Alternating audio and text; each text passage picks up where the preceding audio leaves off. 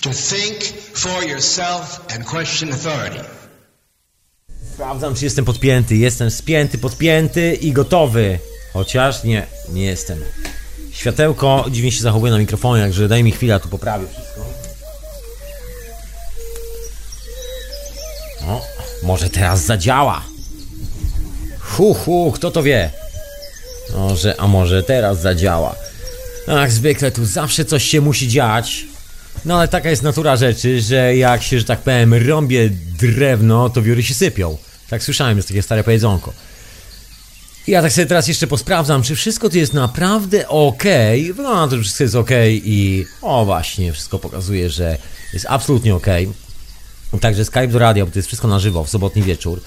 radionafali.com i możesz zadzwonić live, jeżeli masz jakiś pomysł związany z tymi spiskowymi historiami, które będę tutaj opowiadał troszeczkę. Właśnie, bo miałem powiedzieć o gościu za tydzień, bo sobie tak zażeram czekoladę. Zaraz sobie skręcę jakiegoś jointa dzisiaj z tej okazji, bo jest doskonała płyta u mnie w ręku, jest piękna sobota, zaczęła się wiosna, spiskowy temat i oberwie mi się za tydzień za tą moją dzisiejszą dietę, czyli czekoladka, jointik, bo za tydzień gościem będzie Arash, specjalista od diet.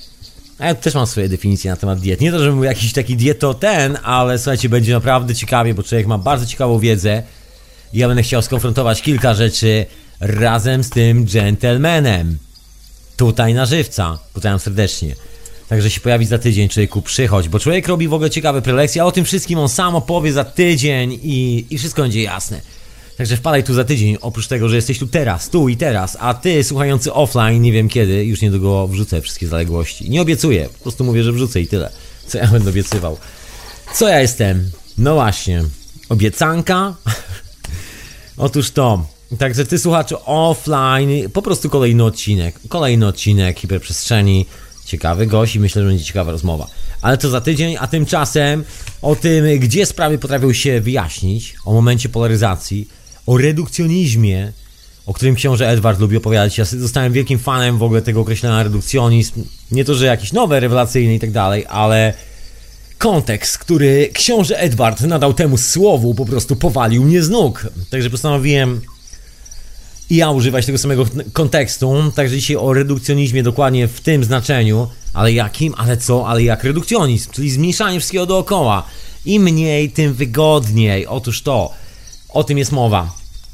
Także o redukcjonizmie, o weryfikacji, o takich sprawach troszeczkę, no właśnie, o takich spiskowych teoriach dziejów, jak to sprawy potrafią czasami, czasami wyjawiać swoją prawdziwą naturę. Kto za czym stał, jak to wyglądało, jak to wygląda. W hiperprzestrzeni, w radiu na fali, retransmitowane w radiu Paranormalium. Już się ja, Tomek, prosto, prosto z Puszczy Kampinoskiej, nie, prosto z południa Londynu oczywiście. Prosto, prosto stamtąd, prosto stąd właściwie. No i dzisiaj spiskowo troszkę w hiperprzestrzeni.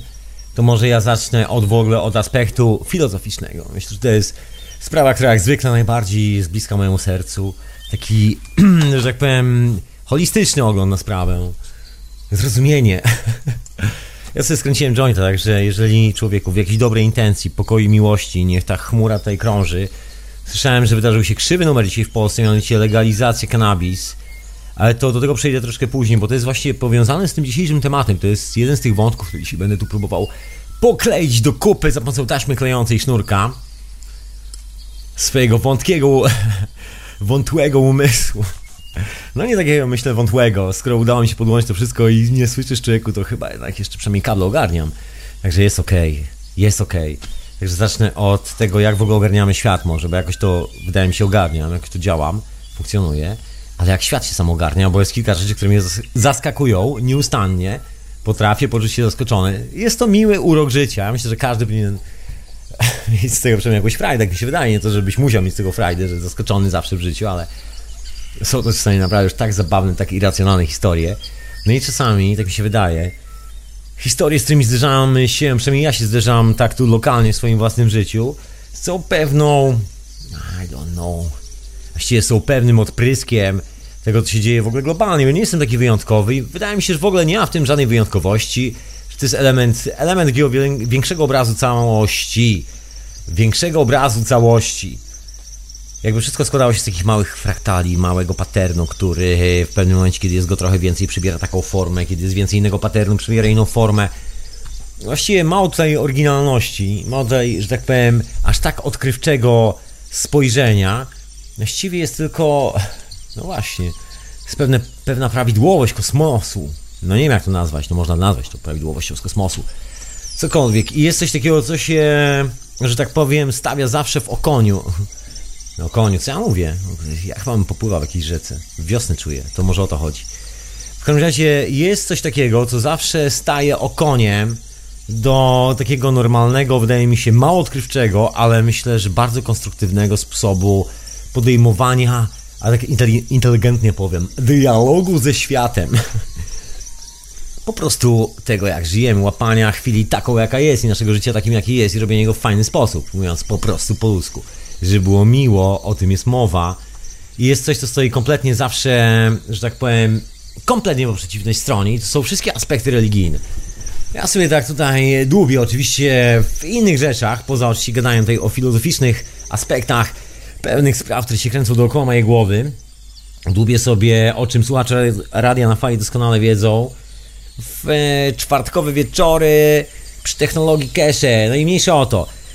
Jest to moje poletko, tutaj nie chcę, niekoniecznie chcę promować lub coś w tym stylu, bynajmniej, ale jest to przykład z mojego życia, a najlepsze przykłady takie z własnego życia, także nie będę Ci opowiadał o czymś, co jest z kosmosu, tylko powiem Ci, jak to widzę ze swojej strony, bynajmniej nie chodzi o technologię, zapomnij, nie chodzi o cache, nic z tych rzeczy. Chodzi po prostu o sytuację, o sytuację! Zwyczajnie. Jest coś takiego, że czasami się pojawia kawałek technologii, cokolwiek. I każdy taki skok, tak mi się wydaje, taki potężny skok do przodu, cywilizacyjny, taki, że nagle prywatnie na przykład łapię, że mogę coś zrobić, coś czego nie mogłem zrobić wcześniej, że pewne rzeczy, które wydawały mi się są kompletnie poza jakąkolwiek kontrolą, leżą w domenie mojej stuprocentowej kontroli. No i wiąże się oczywiście z tym odpowiedzialność i wiele innych rzeczy, ale nie będę puszczał tych wątków od tej strony, bo chodzi o coś zupełnie innego. Generalnie okazuje się, że ta granica możliwości i odpowiedzialności przesuwa się mocno do przodu na pola, których, na których nigdy czasami mnie nie było. Tak to przynajmniej wygląda. I są to pola, które graniczą e, albo z tyłu na mocnej kontrze systemem wiary i jakości przyjmowanym przez tą cywilizację, jakkolwiek można to nazywać, po prostu tak zwaną normalnością, którą uznajemy za normalność. Czasami człowiek widzi rzeczy, które kompletnie wymykają się temu, o czym wszyscy dookoła mówili, że zawsze tak jest, zawsze tak było i zawsze tak będzie. No i się okazuje, że właściwie pojawia się coś w rodzaju takiego religijnego wątku, religijnego aspektu. I albo w tym momencie nazywamy to cudami, tak mi się wydaje, albo są to cuda, albo jest to nauka. Albo jest to magia, właściwie, magia, bo to jest chyba dobre słowo. Albo jest to magia, chociaż magia oryginalnie to w sumie nauka, ale też jest alchemii i tak dalej. To można by oczywiście godzinami o korzeniach tych słów, e, kiedyż to sięgają starożytnego Egiptu i tak dalej, tutaj dyskutować. To są te opowieści w pozostałych hiperprzestrzeniach, to na razie pominę te wątki historyczne. Także przyrzućmy parę kartek do przodu. W każdym razie wygląda to trochę tak, że jakby nadmiar wiedzy potrafi wzbudzić jakieś takie sensacje na poziomie religijnym, że właściwie tutaj zaczyna się pierwszy punkt polaryzacji, mówiąc w wielkim skrócie. Tak najprościej ujmując całą sytuację, wygląda tak, że pojawi się nowa technologia, która jest naprawdę jop twoja mać, po prostu miażdży wszystkich w kolanach i się okazuje, że uuu, generalnie oczy wstają w słup, nagle wszystkie filmy science fiction stały się właściwie blade przy tym wszystkim. No i co się okazuje? No wiadomo, że jest, wiadomo, że funkcjonuje, wiadomo, że nie każdy być może zrobił. Oczywiście, jak zwykle, jest masy kontrowersji dookoła tego i masy tych kontrowersji wzbudza właśnie, wzbudza taką weryfikację, można powiedzieć. Tu się zaczyna taki moment polaryzacji, redukcjonizm dookoła tej całej sytuacji. Bo oczywiście za tym wszystkim stoi wiedza. Wiedza z reguły jest zawsze kompleksowa. To nigdy nie jest, że tak powiem, jedno zdanie, które wyjaśnia wszystko. Ono wyjaśnia na pewnym poziomie, kiedy człowiek, tak mi się wydaje, to jest moja koncepcja, wcale nie wiem, czy mam rację, ale przynajmniej u mnie to działa, kiedy nabiorę takiego, że tak powiem, kompleksowego balastu, zmierzę się z nim, przemielę, wrzucę, pozostawię, odnajdę z powrotem, cokolwiek się tam wydarzy, burze i wichury oraz inne zamieszania, to w pewnym momencie wyrzucam to wszystko i pewnego dnia wraca tak elegancko, ładnie poukładane. I gra nie ma taki sens, bo kiedy próbuję z tego skorzystać w praktyce, działa. Czasami nie działa, zdarzyło się i tak. Mam nadzieję, że jeszcze się zdarzy parę razy, bo jest to niezła lekcja. Niemniej fajnie jest, kiedy działa. I jeszcze fajnie jest, kiedy jeszcze jest wiedza dookoła tego i kiedy nawet nie działa, to jest w ogóle najfajniejsza sytuacja, można usiąść i zastanowić, dlaczego nie działa, dlaczego coś jest nie ok i skonfrontować jeszcze raz z oryginalną dokumentacją, z tymi wszystkimi rzeczami i nagle zacząć się uczyć pewnych rzeczy. I z powrotem nagle się okazuje, że się coś montuje i zaczyna działać i nagle do tego momentu, po takim przełamaniu, że tak powiem, samego siebie, że robię, robię do pewnego momentu, robię, robię i w pewnym momencie, ok, dobra, dalej nie wiem za bardzo, znaczy mogę oczywiście intuicyjnie, bo mam kilka pomysłów, ale okej, okay, odłożę troszkę na bok, wezmę, wezmę coś, co ktoś zrobił przede mną, nie muszę tutaj zawsze być odkrywcą we wszystkich sprawach, nauczę się czegoś, skorzystam z doświadczenia, ponieważ myślę, że jest to cenna historia, żeby skorzystać z tego doświadczenia. I w tym momencie zaczyna się wiedza, bo cudze doświadczenie właściwie jest niczym innym jak wyjaśnieniem kolejnych następstw, następstw kolejnych procesów, czyli czy ta śrubka pasuje, pasuje dalej do tej nakrętki, ile tych śrubek trzeba włożyć, on już to zrobił, sprawdził, wiadomo z czego wynika ilość śrubek, czy w ogóle one powinny tam być, w ogóle o co chodzi w całym zjawisku. Jeżeli masz jakiś problem, przynajmniej jeżeli ja mam jakiś problem z zrozumieniem zjawiska w jakimś momencie, to w tym momencie dostaję olśnienia, bo ktoś to zrobił wcześniej, zrozumiał to pięknie, to że tak powiem sportretował jakąś piękną metaforą i ta metafora trafiła do mojego umysłu i nagle łapie o co w tym chodzi. No i w tym momencie też odpadają kolejne złudzenie, kolejne fantazje, bo nagle okazuje się, że no mało tu polega na wierze, a dużo polega na wiedzy, takiej konkretnej wiedzy, często bardzo mierzalnej, często bardzo kompleksowej, związanej ze sklejeniem informacji z wielu pól. I to, wynika, I to przypomina trochę sytuację, jakby wziąć takiego kolesia na jakimś współczesnym motocyklu Harley Davidson z całym tym systemem GPS i jeszcze działającym na dodatek i przenieść na jakąś średniowieczną drogę, po której zasuwają kolesie na konikach, w szeleszczących zbrojach i nagle ten koleś podjeżdża tam sobie tym Harley'em i oczywiście wszyscy się nagle spotykają i teraz jak chłopakom na tych konikach uda się opisać tego jeźdźca apokalipsy, który na tej miażdżącej łomotem maszynie, od której spłoszyły się koni, wszyscy z nich pospadali. Właściwie jak go potraktować? On jest chyba Bogiem, to jest diabeł, bo wszyscy się go boją, bo wytwarza takie zjawisko. No właśnie, gdyby tych, pan, tych panów zatrudnić, e, ściągnąć z tych koni, zatrudnić troszeczkę wcześniej, w młodszym wieku do funkcjonowania w tej cywilizacji, zapewne wyrośliby na niezłych mechaników samochodowych, motorowych oraz yy, innego sortu mechaników, być może. I kiedy jechaliby konno, to jechaliby na współczesnych koniach, które były wytrenowane do tego, że jeżeli samochód przejeżdża obok, to się nie płoszą. I na dodatek jeszcze samochód by zwolnił i jeszcze by sobie kiwnęli głową z kierowcą. Ten sam człowiek, różnica 500 lat, aspekt religijny i właściwie cała ta historia z tymi 500 latami kompresuje się tylko i wyłącznie do przestrzeni informacji, w której w ogóle funkcjonuje jako jednostka, jako ja, jako Tomek, bo być może w średniowieczu, gdybym był takim kolesiem na koniku i spadł z tego konika, to zacząłbym się modlić do tego kolesia na motocyklu, nie zdając sobie sprawy, że jest to fabryczna produkcja firmy Harley Davidson, która robi taki łomot, że ciężko to wytrzymać, jak przejeżdża na ulicy. No ale o to tam chodzi, to ma być głośniej zwracać na siebie uwagę. Szaleństwo współczesnych czasów. No ładny design, ale strasznie łomotliwy. Ja nie wiem, to na jakąś hybrydę plazmową chyba trzeba przerobić, żeby było cicho. Może wtedy będzie przyjemniej. W każdym razie pojawia się na zderzeniu wiedzy i wiary zawsze aspekt religijny. I aspekt jest związany z tym, że w pewnym momencie okazuje się, że wiedza jest kompleksowa i być może czasami w głowie pojawia się taki pomysł, żeby zlaść tą wiedzę, po prostu wziąć to na wiarę, znaleźć sobie lidera, ok, jest jakiś koleś, który jest lekko outside, żeby nie być w głównym nurcie, bo główny nurt być może będzie wymagał weryfikacji, będzie wymagał zbudowania czegoś, co działa, albo albo kurde, nagle się okaże, że muszę zaprzeczyć pewnym prawom, w które wierzę, na którym zbudowany jest kawałek mojego życia, whatever, jak mawiają tu w Londynie, czyli cokolwiek by to nie było. I nagle się pojawia, że właściwie ta opcja religijna jest taką fajną, leniwą opcją. W sumie, no jest z tym związane poczucie winy, bo to oczywiście zawsze trzeba złożyć swój los w rękach lidera, Przynajmniej na to zawsze wygląda. A później ktoś przychodzi z tacą i się pyta: Przepraszam, przepraszam bardzo, a pan już rzucił, czy jeszcze nie? I musi zaszeleścić banknot. I to właśnie jest cała ta historia, która ma ten religijny aspekt, tak mi się wydaje, przynajmniej na dzisiejszy stan rzeczy, z moim doświadczeniem życiowym. Ciężka sprawa, właściwie okazuje się, że buduje coś takiego jak takie potężne więzi zależności, ale takiej troszkę niezdrowej zależności, bo to w ogóle funkcjonuje nie tylko tam. Ten religijny aspekt, myślę, był takim początkiem, bo to właściwie pierwsze firmy Public Relation, które budowały relacje pomiędzy tym, który chciał zniewolić swojego brata, a tym, który został zniewolony przez swojego brata. Tak, żeby nie było, że ktoś robi jakieś krzywe numery, tak, żeby ktoś miał teologię do tego, wiadomo, że numer jest krzywy jak nieszczęście i wszyscy się słabo z tym czują, no ale trzeba sobie to jakieś w życiu wyjaśnić. Myślę, że po to czasami człowiek sobie wymyślił Boga, właśnie po to, żeby wyjaśniać. No i dzięki temu nareszcie można, no właśnie, tego odmieńca, otóż to dokładnie, łopatą. Otóż to, tak sobie myślę. Jest troszkę taki syndrom właśnie religijnego aspektu w życiu. Bo wiedza powoduje to, że właściwie zdajemy sobie sprawę z pewnych zjawisk i kiedy zdajemy sobie sprawę, tak mi się wydaje, z pewnych zjawisk, to przynajmniej ja w moim przypadku zdaję sobie sprawę z tego, jak wszystko jest mocno ze sobą połączone, czy tego chcę, czy nie. To oczywiście kwestia indywidualnego podejmowania tego, czym jest wszystko dookoła mnie. Ja to tak widzę.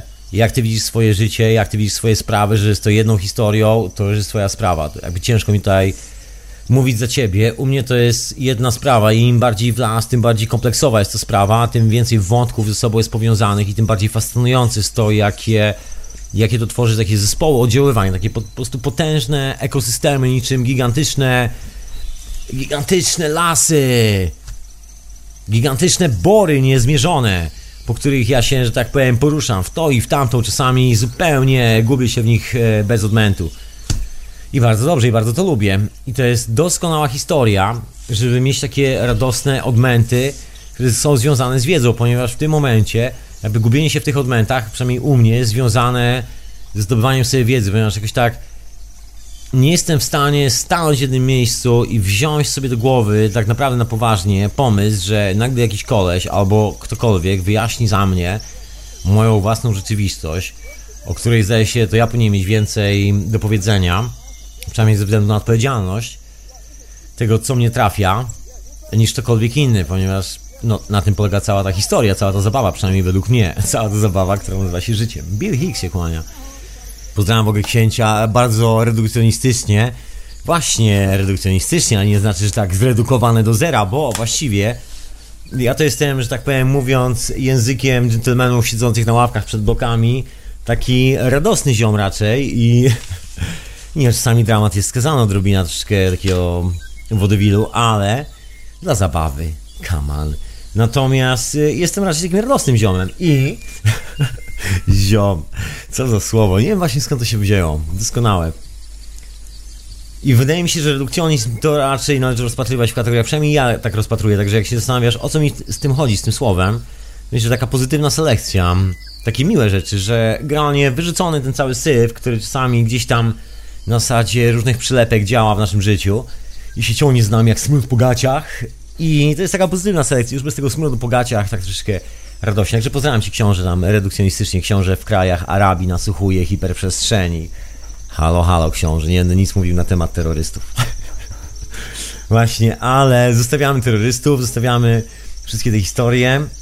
Bo właśnie, bo czym jest off redukcjonizm, ta pozytywna selekcja i w ogóle, czym jest w ogóle wiedza przede wszystkim, bo tak, bo skoro tak rozprawiłem się bestialską z tym religijnym aspektem, że niektórzy po prostu nagle zostają leniwymi dubskami i stają w pewnym miejscu i wygodnie jest po prostu oprzeć się na cudzych plecach i kupić czyjąś ideologię, zrobić cokolwiek szalonego i tak po prostu całe decyzje za wszelkie historie, które ma się w głowie, scedować na kogoś innego. Jest to bardzo wygodna opcja. Wszystkie religie świata dzięki temu funkcjonują, wszystkie szalone idee świata dzięki temu funkcjonują pomysł, że Ziemia jest płaska, dzięki temu funkcjonuje, wiele pomysłów dzięki temu funkcjonuje, dzięki temu funkcjonują ludzie, którzy twierdzą, że są w połowie na przykład genetycznie owadami, chociaż, chociaż właściwie patrzy na nie wygląda jak człowiek. Ten człowiek! A on twierdzi, że jest owadem genetycznie i nosi ciemne okulary. That's it, that's it. Lovely boy. Zostawiamy teraz owady, bo wydaje mi się, że właśnie to jest ta religia, że granie pojawiają się różne ciekawe zjawiska, bardzo kolorowe, bardzo barwne, czasami w postaci kolesia przebitego do krzyża, czasami w postaci innej jajecznicy, cokolwiek by to nie było. I w tym momencie jest taka opcja, hej człowieku, my ci dam, damy ci taką opcję, mamy zorganizowaną strukturę, się wesprzemy, to ci pomożemy, jak się tam zorganizujemy, wiesz, jakby co damy papier. Jakoś tak się stało, że tak się stało. W każdym razie mamy taką historię, która się gdzieś tam toczy dookoła nas. Ale mam dźwięk. To jest mój dzbanek z herbatą, metalowy, stalowy. I wracając do tego religijnego aspektu, i po prostu część ludzi wysiadła na tym religijnym aspekcie i niezależnie od tego, czy należą do jakiejkolwiek religii. Taka jest moja finalna teza. Bo dlaczego mówię o tym religijnym aspekcie? Bo ten religijny aspekt nie tyczy się tylko i wyłącznie świątyń, kościołów. Tyczy się każdej możliwej idei. Ja sobie tak śmieję, się śmieję, bo na przykład w wielu dziedzinach jest tak, że jest jakiś człowiek, który dokonał jakiegoś niewiarygodnego postępu w jakiejś dziedzinie, no i dzięki temu zyskał sobie wyznawców i część ludzi podąża za nim. No i robią sobie z niego wzór. Dzięki temu sprzedają się biografie i w ogóle jest na przykład w każdej bibliotece taka duża półka, nie tylko bibliotece, bo w każdej księgarni jest taka gigantyczna półka, jeszcze większa, która ma taki nagłówek biografie. To nie jest przypadek, to jest dokładnie ta historia pod tytułem religijny aspekt. Oczywiście można powiedzieć, że na przykładzie cudzego życia można się nauczyć, jak ominąć błędów w swoim własnym życiu. Jest to ciekawa koncepcja, owszem, aczkolwiek nigdy nie spotkałem się z czymś takim, żeby kiedykolwiek zadziałała. Zawsze widziałem, że ludzie generalnie, jeżeli chodzi o konsekwencje w edukacji, na swoim życiu przede wszystkim, tak mówię, ludzie, nie znam wszystkich ludzi na świecie, ciebie też fizycznie nie znam, nigdy cię nie widziałem, dziewczyno, ani chłopaku, ty mnie pewnie też i, i spoko, a jednocześnie troszkę się znamy, bo tak ja tu mówię do ciebie, znam, siedzisz, słuchasz z tą herbatą i tak troszkę się znamy, ale właśnie, ale tak nie do końca, także ciężko mi mówić za kogokolwiek innego, ale za siebie, to jest taki moment zawieszenia. Myślę, że każdy może trafić na taki moment zawieszenia, kiedy zabraknie wiedzy i w sumie wygląda na to, że część ludzi w tym momencie, ja też być może kilka razy mi się zdarzyło, na pewno mi się zdarzyło, mogłem się zawiesić na czymś albo na kimś. To jest taki moment, że warto, znaczy warto, że wydaje się, że warto złapać jakiegoś idola za nogi i popłynąć z nurtem spraw niczym taki followers. I to naprawdę nie jest uwarunkowane ani do kościoła, ani do dziedziny, ani do czegokolwiek. To jest począwszy od fashion, bo czym jest moda, czym jest posiadanie najnowszej torebki, czym jest posiadanie najnowszego samochodu, czym jest posiadanie najnowszego telefonu, czym jest posiadanie najnowszego czegokolwiek. To jest dokładnie to samo. Kolejna rzecz to jest y, na przykład jakakolwiek teologia. To mi się bardzo podoba, bo to jest historia niesamowita. Ja to ostatnio słyszę niesamowite historie o lightworkerach, po prostu w głowie mi się przewraca. Pozdrawiam wszystkich lightworkerów, przynajmniej tych, którzy się uważają za lightworkerów. Pozdrawiam cię człowieku bardzo serdecznie, jeżeli jesteś lightworkerem, czyli pracujesz w świetle. Pozdrawiam cię świetliście, bardzo świetliście. Przytulam cię braci i siostro też. Tymczasem pojawiły się tam dziwne koncepcje, takie bardzo egzotyczne i, i czasami sobie myślę, że to wszystko wygląda bardzo podobnie z każdą teologią i ja to przełożyłem sobie na język historii z prawem, bo właściwie, czy to jest historia związana z lightworkerami, ludźmi, którzy mają jakąś tam koncepcję na życie, nie mnie to oceniać. Znaczy, mamy, mam swój pogląd na to, oczywiście, absolutnie.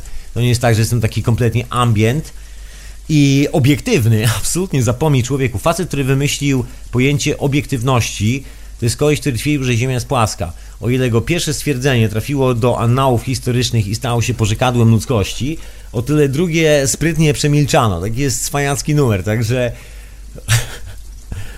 On powiedział jeszcze kilka innych idiotycznych rzeczy. To polecamy się przyjrzeć starożytnym greckim filozofom, bo to jeden z nich, jeden taki egzotyczny. Ja tu zostawię taką zagadkę. Niech każdy sobie sam samodzielnie sprawdzi. Ale zabawna historia. W każdym razie ja w to nie wierzę. Mam swój pomysł na życie, mam. Oczywiście on ewoluuje, to nie jest tak, że on jest jakiś światły, najlepszy i wspaniały. Ja ci każę za nim pożądać. E, ja ci każę pożądać mojego takiego pomysłu i podążać za nim. Zapomnij, to jest jak zwykle indywidualna historia, ty masz swój własny respekt człowieku, że tak powiem, trochę jak z podławki, z podbloku. Respekt ziom i ziomka. Właśnie, wracając do tego redukcjonizmu, pozytywnej selekcji właśnie. Bo łatwo się zatrzymać w pewnym momencie, bo tak, wszystko jest już ustawione. To troszkę naukę przypomina fizykę, jakkolwiek chociażby z medycyną. Ja tu właśnie o tej legalizacji kanabis. To, to opowiadam historię, bo to jest związane z historią Polski. Człowieku, ja tu powiem kawał historii! Marmi, Mazur! Czy jakoś tak. Chodzi o legalizację kanabis, kiedy to pewna organizacja związała się z pewnym cwaniakiem, który jest tajnym agentem. Zdaje się, przynajmniej takie są moje opinie na ten temat, wszelkie opinie, z którejkolwiek strony nie spojrzał. I dołączyli razem wspólnie, znaczy zrobili razem wspólnie pomysł, że go poprą, on zalegalizuje kanabis. Chodziło o koleżkę, który zowie się Palikot. I kiedy wszystko było już gotowe, kiedy była piękna ustawa, cały dokument napisany, pięknie sprawdzony przez prawników, wszyscy ludzie umówieni na spotkanie, wszyscy przyszli na to spotkanie, właściwie nie było problemu, była duża szansa, że ludzie, którzy reprezentują tyranię o nazwie rząd, podpiszą ten dokument bez żadnych problemów i będzie to bardzo dobry. Będzie doskonały, gigantyczny krok do przodu. Może nie wszystko legalne, ale da to duże możliwości i do przodu. Nagle dżentelmeni od pana Palikota wciągnęli swoje własne dokumenty, które nie były zweryfikowane z nikimkolwiek i w taki oto sposób swajacko w idealnym momencie wysadzili całą sprawę do gronogami, udając idiotów, a później się okazało, że to jest po prostu agentura. Wiadomo, że każda agentura dba o to, żeby ich zaopatrzenie w pieniądze, które nie są rejestrowane na żadnym koncie bankowym, czyli pieniądze, które się bierze z prania pieniędzy, nielegalnego handlu nielegalnymi substancjami, a że kanabis jest nielegalne, to wiadomo, że służby kontrolują ten cały rynek na tyle, na ile mogą. No nie całe szczęśliwie, ale tyle, ile mogą tego rynku, starają się kontrolować do oporu. Zatem piorą sobie tam pieniądze, dzięki czemu mają swoje niecne, hamskie operacje. No i jak się okazuje, mają swoich ludzi poustawianych tak, że oni udają później jakichś polityków i tak dalej, i tak dalej. Kiedy przychodzi co do czego, to taki cyngiel jest odpalany, wykonuje swoją robotę, cała sprawa jest uwalona, wszyscy dalej trzepią kasę tak jak trzepali. I jak się okazuje, właśnie sprawy są uwalane na zasadzie troszkę takiej naiwności, że jest w nas, we mnie by była potencjalnie jakaś naiwność, akurat w tym momencie we mnie nie było. Ale wydaje mi się, ja troszkę taki kredyt za społeczeństwo wezmę. Żartuję sobie, ja tak troszkę globalnie opowiem, bo jest to, wydaje mi się, taki wątek, który funkcjonuje w skali, w skali nie tylko mikro, ale w skali max i gaz. W dużej skali funkcjonuje. W każdej skali funkcjonuje. W małych, lokalnych takich ekosystemach towarzyskich, w takich większych skalach jak społeczności, jak narody, że jest pewien element, w którym łatwo udaje nam się podpiąć, nie wiem, w głowie świrujemy i podpinamy się pod coś, jest taki moment egzystencji i nagle nawet każda doskonała idea jest w stanie trafić na jakiś szalony moment, gdzie no, trafia na jakiegoś agenta, na jakąś trefną sytuację, czy to jest agent, czy to jest człowiek, który na przykład oszalał, bo ma swoją agendę, ma swoje lęki i postanowił generalnie zrobić wielkie zamieszanie dookoła tych swoich lęków i no nie wiem, publikuje jakieś swoje szalone historie i szuka wyznawców do tych swoich historii. To może być cokolwiek. To jest każda, że tak powiem, historia religijna świata. To jest każdy aspekt religijny. Czy to jest na bazie technologii, jak na przykład naukowcy, którzy twierdzą, że poza prawami Newtona nie ma żadnych innych praw. Ta religia funkcjonuje wszędzie. To jest kwestia brania czegoś na wiarę i nieakceptowania rzeczywistości w jej złożoności, takiej jak ona jest. Bo tu trzeba by się, tak myślę, zastanowić nad czym, czym jest w ogóle to wszystko dookoła. Wydaje mi się, że to jest tak sobie uknąłem świadomość złożoności tego ekosystemu, to, że to się składa z miliona indywidualnych postaci, z miliona indywidualnych rzeczy, które wypełniają całość. Jest taka piękna historia, o której dawno, dawno temu opowiadałem w hiperprzestrzeni. To jest autentyczna sprawa, która wydarzyła się w Stanach Zjednoczonych w parku e, Yellowstone, który został tak zdegryn... no taka degrengolada nastąpiła w tym parku, bo tam wycięto kawałek tego parku, w pewnym momencie człowiek postanowił e, tam zrobić takie, że tak powiem, mocne ruchy, usunąć pewne gatunki, przetrzybiając ten park dosyć mocno, przyciąć drzewa, zrobić takie monokultury. Okazało się, że to w ogóle nie wytrzymało. No i jako, że nie wytrzymało, no to co się okazało? Że szybko, że tak powiem, padła część lasu, rzeki bardzo szybko się zanieczyszczyły, w ogóle cały ekosystem zaczął znikać i park Yellowstone zaczął po prostu topnieć w oczach. No i ekolodzy, jedni z ekologów, znaczy ekologów, takich badaczy uniwersyteckich, ekologów i tak dalej, robiących różne testy z różnymi zwierzakami, badających różne ekosystemy, wpadli na pewien szalony pomysł, który gdzieś tam wziął się z obserwacji jakichś lasów w Kanadzie, gdzieś tam, żeby wprowadzić wilki, a to w ogóle był pomysł bardziej na, na to, żeby przywrócić, tak jest, jeżeli jest taka możliwość, gatunek wilków, który gdzieś tam dawno temu, jak głosiła legenda, żył Yellowstone, gdzieś tam w zapisach o Indianach, których wytłukli wszyscy biali osadnicy w Ameryce, co do nogi prawie, że zmuszając resztę do egzystencji poniżej jakichkolwiek norm w rezerwatach. W każdym razie okazało się, że kiedyś tam były wilki. To był taki, że tak powiem, szalony pomysł, taki, ach, wrzućmy tam jeszcze wilki na koniec. Może, może jeszcze zrobimy eksperyment z wilkami. No i wrzucono tam wilki. Jakieś parę stad, dosłownie, jakaś śmieszna ilość, nie wiem, czy trzy, czy cztery stada. Jest gdzieś film dokumentalny i cała dokumentacja w ogóle taka naukowa na ten temat, bo to w ogóle taki eksperyment prowadzony przez uniwersytety, monitorowany, te wilki były miały swoje imiona, były śledzone, tam ludzie sprawdzali, jak one się, że tak powiem, rozmnażają, jakie potomstwo, jak się las zachowuje. Trwało to prawie, prawie 30 lat, bo to się zaczęło, no, jakoś tak dawno temu. Czy może 20 lat temu? No mniejsza o to, mogę się mylić w liczbach, gdzieś ten eksperyment jest opisany w internecie. Jeżeli uda mi się gdzieś znaleźć jakąś dokumentację, to może nie zapomnę i wrzucę w linkach pod audycją. Ale jakbym zapomniał, to człowieku, od czego jest wujek Google, który nas nieustannie szpieguje? Niech wujek Google dowie się, że szukamy czegoś w świecie wilków. Otóż to. Ja może jak już mówię o tych wilkach i Indianach, to może sobie odpalę tego jointa, żeby jakiś dym puścić niczym Indianie fajkę pokoju. A propos tej legalizacji, bo o tym to może później wspomnę. Bo też taki news z Polski, że niby zalegalizowano, ale właściwie zamknięto kompletnie, przynajmniej jak na razie, drogę do normalnej legalizacji kanabis, dosadzenia sobie kanabis w domu. Się okazuje, że korporacje, korporacje dobrze posmarowały lokalnemu rządowi, który twierdzi, że jest bardzo z narodem i strasznie mu zależy na dobrach obywateli. Ciekawa sprawa. Każdy z nich ma niezłe konta tam pewnie w Szwajcarii przez Bank Watykański. Takim bardzo zależy. W szwajcarskich narodowych interesach. No ale zostawmy może te szwajcarskie narodowe interesy związane z polskim rządem i łapówkarstwem i przejdźmy do wilków Yellowstone. Okazało się, że wilki zaczęły tworzyć taki mały ekosystem i rozsadzono je bardzo blisko rzeki, żeby miały taki fajny dostęp do wszystkiego. Bo okazało się, że tam e, w ogóle rozprzestrzeniły się strasznie króliki, małe gryzonie. W ogóle w tym parku Yellowstone w ogóle ekosystem się zachwiał. One zaczęły podgryzać jakieś roślinki, które padły. Jak one padły, to padł las, a jak padło to, to padły bizony to pa... i tak dalej. Taki mm, efekt domina się zaczął.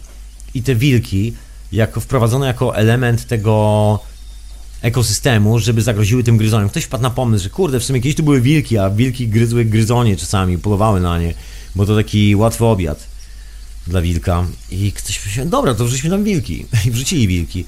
I dosłownie po dwóch latach rzeka zaczęła wyglądać zupełnie inaczej. Dookoła rzeki pojawiły się rośliny, które uważano już za wyginięte i wyginione wielą stąd, za takie, które już zniknęły na stałe.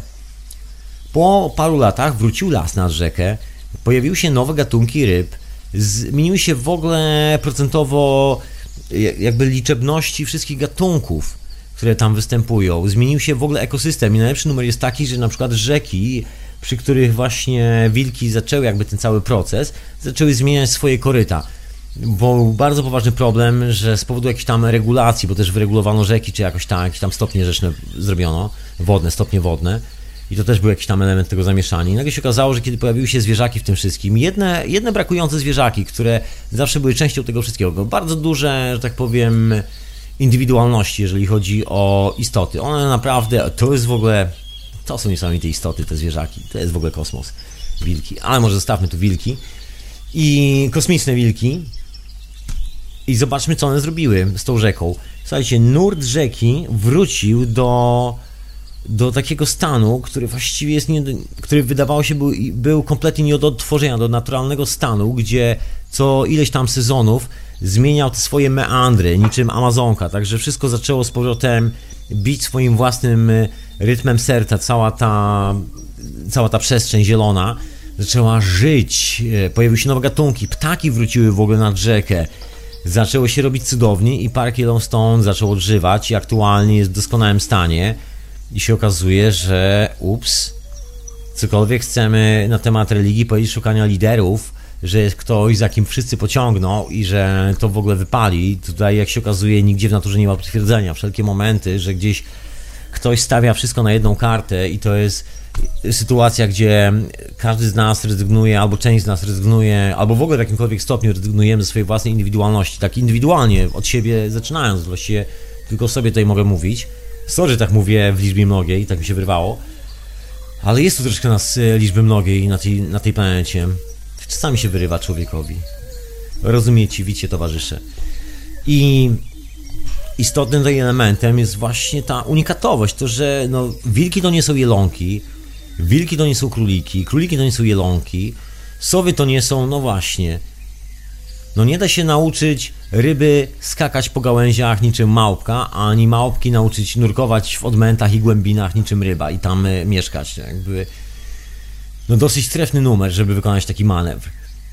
I wszystko, cokolwiek byśmy chcieli wierzyć w cały ten taki układ świata, który nam się wymyśla, że jest rząd, jest lider, wiesz, jest jakaś sytuacja, gdzie mamy partycypować, bo ktoś wymyślił jakąś regułę, jest troszeczkę, jak się okazuje, trefną, bo nigdzie w naturze potwierdzenia tego nie ma. I właściwie jedyne sukcesy, które się wydarzają nam, cywilizacji ludzkiej, kiedy próbujemy ingerować w ekosystem, włożyć tam swój własny palec i to jeszcze nam nie przemieli palce, jak przez przypadek się okaże, że coś wypali i wszystko wraca do normy, to są sytuacje, kiedy pozbawiamy się tej wiary w leadership, tak zwany z angielskiego. Niektórzy pracujący przy jakichś takich decyzyjnych historiach mają czasami obsesję na punkcie leadership, authority. Of course, of course. Mentor, mentor. To jest też taka troszkę hipokryzja, taka właśnie nasza wewnętrzna, myślę, indywidualna hipokryzja, szukanie właśnie takich mentorskich sytuacji, bo to nazywamy mentorską sytuacją albo mentorem, ale to jest sytuacja, gdzie szukamy, gdzie szukamy Boga. Szukamy kogoś, kogo będziemy wyznawać, ale jednocześnie troszkę bliżej, niekoniecznie Boga w kosmosie. To jest taka religia na co dzień, bardziej takiego kogoś, kto nas pomoże, że tak powiem, podciągnąć gdzieś, żebyśmy mogli zmaterializować swoje żądze o realizowaniu jakiejś wizji rzeczywistości dookoła siebie. Czy to jest luksusowy samochód, czy to jest luksusowa willa, czy to jest pozycja społeczna, czy to jest to, że ludzie patrzą się na nas i mówią: Ja ci wierzę w to, co ty mówisz. Cokolwiek by to nie było. W końcu jest sytuacja, która powoduje, że znajdujemy się w pięknym punkcie tak zwanej strefy komfortu, czujemy się bardzo komfortowo, wszyscy klepią nas po plecach, sytuacja życiowa klepie nas po plecach. I właściwie nie musimy nic robić. I w tym momencie czasami jest taki moment zwrotny, bo jest to bardzo miła sytuacja, bardzo komfort, komfortowa i myślę zdrowa. I każdy powinien się czuć doskonale i każdy powinien być poklepywany z radością po plecach przez braci bliźniaków, oby nie za mocno, żeby przypadkiem nie wypluł płuc przodem. tak przyjacielsko, radośnie, że tak powiem, żeby jeszcze był dystans do siebie, żeby każdy miał swoją własną indywidualną przestrzeń, żeby był gdzieś element wilka w każdym z nas. Bo każdym z nas jest ten element, tak mi się wydaje, w każdym z nas. To jest ta, myślę, nauka, którą praktykują Indianie na temat naszych totemicznych historii związanych ze zwierzakami, tak sobie myślę.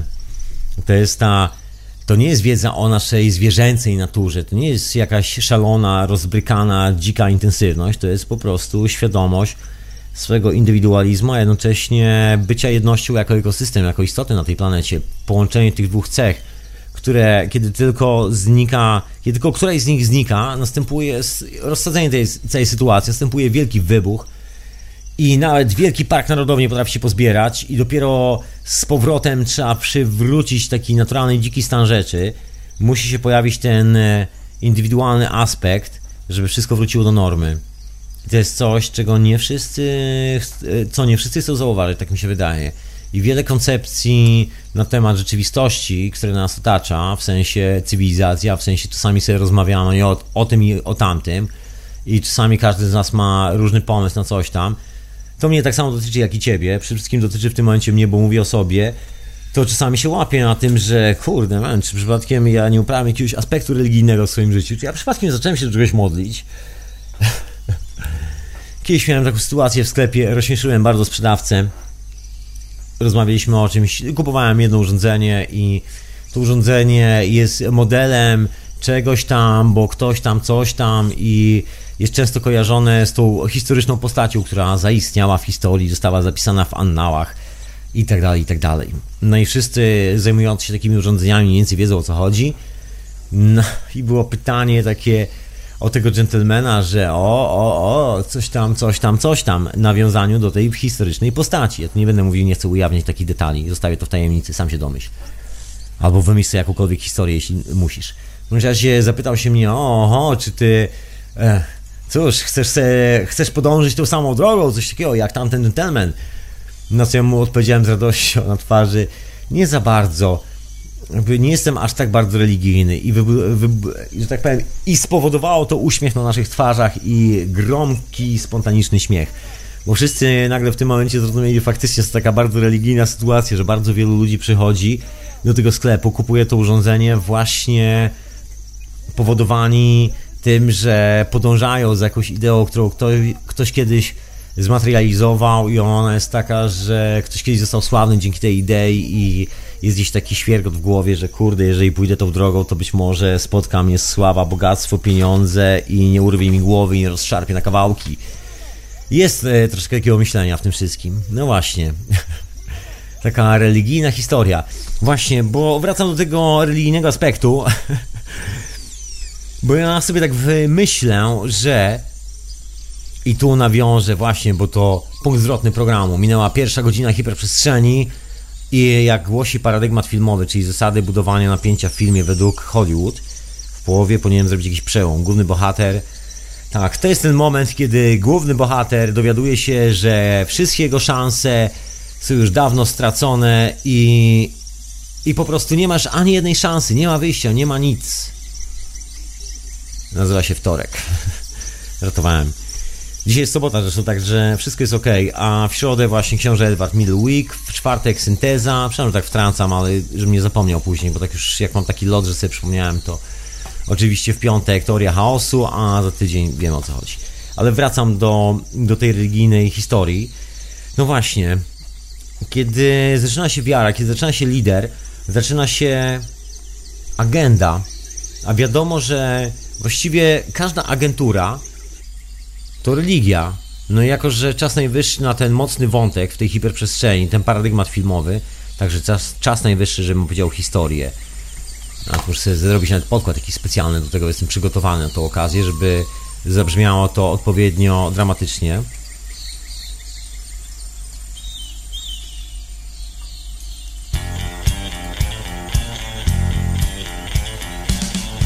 Kilka dni temu dowiedziałem się, że jestem kontrolowany przez służby specjalne za pomocą kontroli umysłu oraz fal mikrofalowych.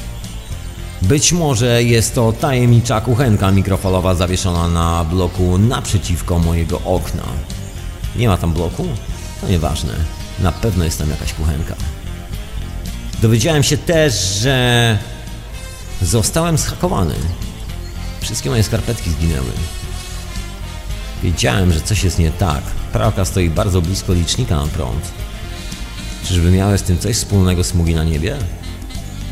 Na pewno ma to coś związanego z tajemniczymi historiami, które dzieją się, kiedy super żołnierze lądują na Marsie i kod genetyczny ich ciała zmienia ich w owady, które wyglądają jak ludzie, nie mogą tylko zdjąć ciemnych okularów, ponieważ wtedy światło ich poraża i wyparowują.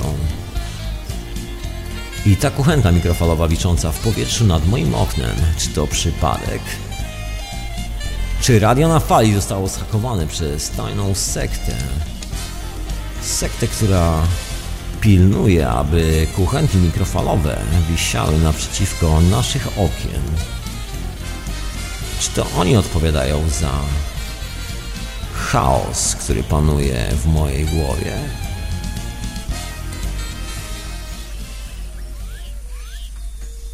Nie, nie, nie, wszystko jest ok. Słuchajcie, wszystko jest absolutnie ok. Okazało się, okazało się wręcz idealnie się okazało, że że dowiedziałem się właśnie różnych dziwnych, ciekawych rzeczy na temat realia na fali, że, że uczestniczymy w jakimś spisku, że jesteśmy schakowani, że dzieją się niesamowite rzeczy i w ogóle, w ogóle jeszcze różowe świnki latają dookoła mnie a obok tutaj stoi i klepie mnie po ramieniu różowy jednorożec z różowymi skrzydłami. W, te, w kolorach tęczy oczywiście, z takie końcówki błyszczące ma. Czy jakoś tak. Okazało się, że oczywiście radio na fali jest elementem ataku mind control. A wszystko po to, właśnie, a wszystko po to, nie wiem po co. Znaczy, oczywiście mam tam swoje spekulacje, ale może temat zostawię głośno i naprawdę solidnie o tym opowiedziałem wczoraj u Michała w teorii chaosu. Także tam jest jasno i wyraźnie na ten temat. Ja może pominę. Po prostu, może wyjaśnię tylko tak, bo też w sumie nie ma sensu tak zostawiać wszystko na. Ach, skoro tak mówię, zawsze tak ucinam, żeby mówić mniej albo coś. Ja nie wiem, redukcjonizm chyba, jakaś obsesja redukcjonizmu. Pewnym razie okazało się, że gentleman, który prowadzi coś takiego jak Monitor Polski, opisał jakąś niesamowitą historię, wyssaną z palca, taka kaszka dziennikarska. Okazuje się, że organizuje jakieś spotkanie, które jest kompletną fikcją, bo właściwie nie ma nic wspólnego z ludźmi, którzy się zajmują tym tematem. Jest wymyślone w ten sposób, żeby właściwie spotkanie nigdy się nie odbyło, albo żeby uznać to spotkanie za takie słabo trafione, albo jakoś tak. Wygląda to jakoś absolutnie i absurdalnie dziwnie, bo jest to właściwie część tak naprawdę zupełnie innego spotkania, które ma dotyczyć jakichś kosmicznych historii, człowieka, który twierdzi, że jest w połowie owadem, w połowie człowiekiem. I don't know, jest, jest to kosmos, jest to pewien kosmos, którego nie jestem w stanie ogarnąć. Jest taki solidny kosmos, jest taki dziwny kosmos. Czuć, że nie jest to nic przyjemnego, przynajmniej z mojej strony, takie troszeczkę jakby ktoś próbował nagle wykorzystać jakąś sytuację, kameralną sytuację dziewczyną między mną a tobą tutaj, rozumiesz, między nami. Próbował ją wykorzystać, rozumiesz, próbował wejść między nami dziewczyną, jak to jest możliwe? To niemożliwe. Kochani, jak to mogło się stać? Otóż to, otóż to i to jest taki troszkę nie, dziw, dziwna w ogóle historia. I widać, że tutaj ten wątek religijnego aspektu działa doskonale, bo są dwie opcje. Ok, jedna opcja jest taka, że są to ludzie, którzy doskonale wiedzą, co robią i na tym polega ich job żeby skleić ze sobą tak absurdalne tematy, żeby każdy z tych tematów, niezależnie od tego, czy któryś z nich ma jakąkolwiek wartość, jest sensowny, cokolwiek ze sobą niesie, wystartował w świecie i, że tak powiem, zyskał uznanie albo dotarł, dotarł do szerszej publiczności, może być to takie działanie i często jest takie działanie, że skleja się różne bardzo poważne tematy z największym takim shitem, z największym głównym tylko po to, żeby, że tak powiem, zdyskredytować kompletnie cały wątek.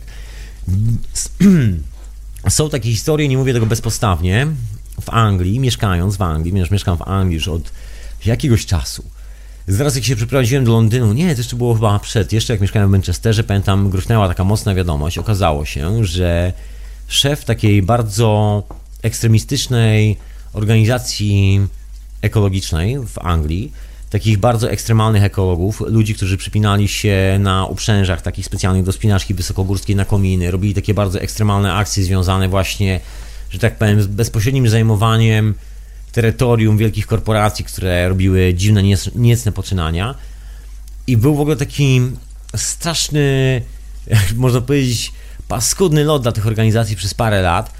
Od pewnego momentu policja doskonale potrafiła roztrzaskać ich akcje, tylko tam jedna trzecia akcji dochodziła do skutku. Oczywiście dochodziły te takie spektakularne raz na jakiś czas, także wyglądało, że czasami się udaje, że, że ta walka gdzieś ma jakiś tam sens, no ale ciągle statystycznie wychodziło, że dwie trzecie akcji jest idealnie uwalane w jakiś taki sprytny sposób, że oni właściwie są wręcz aresztowani w momencie, kiedy tylko wysiadają z samochodu, gdzieś nawet parę kilometrów przed tym obiektem, gdzieś w lesie i próbują tam po cichu według planu dojść, to nagle się okazuje, że tam się pojawiają przez przypadek jacyś policjanci, tak nie tam, że grupa specjalna, ale jakoś tak zupełnie przez przypadek i zbieg okoliczności przechodziliśmy razem z szafą i, i z tragarzami i postanowiliśmy, jak przez przypadek z tragarzami tutaj w niedzielę wracaliśmy do spaceru, zupełnie przez przypadek. I tak się jakoś wydarzało, że wszystkie te akcje były tak zwijane, tak bardzo skutecznie.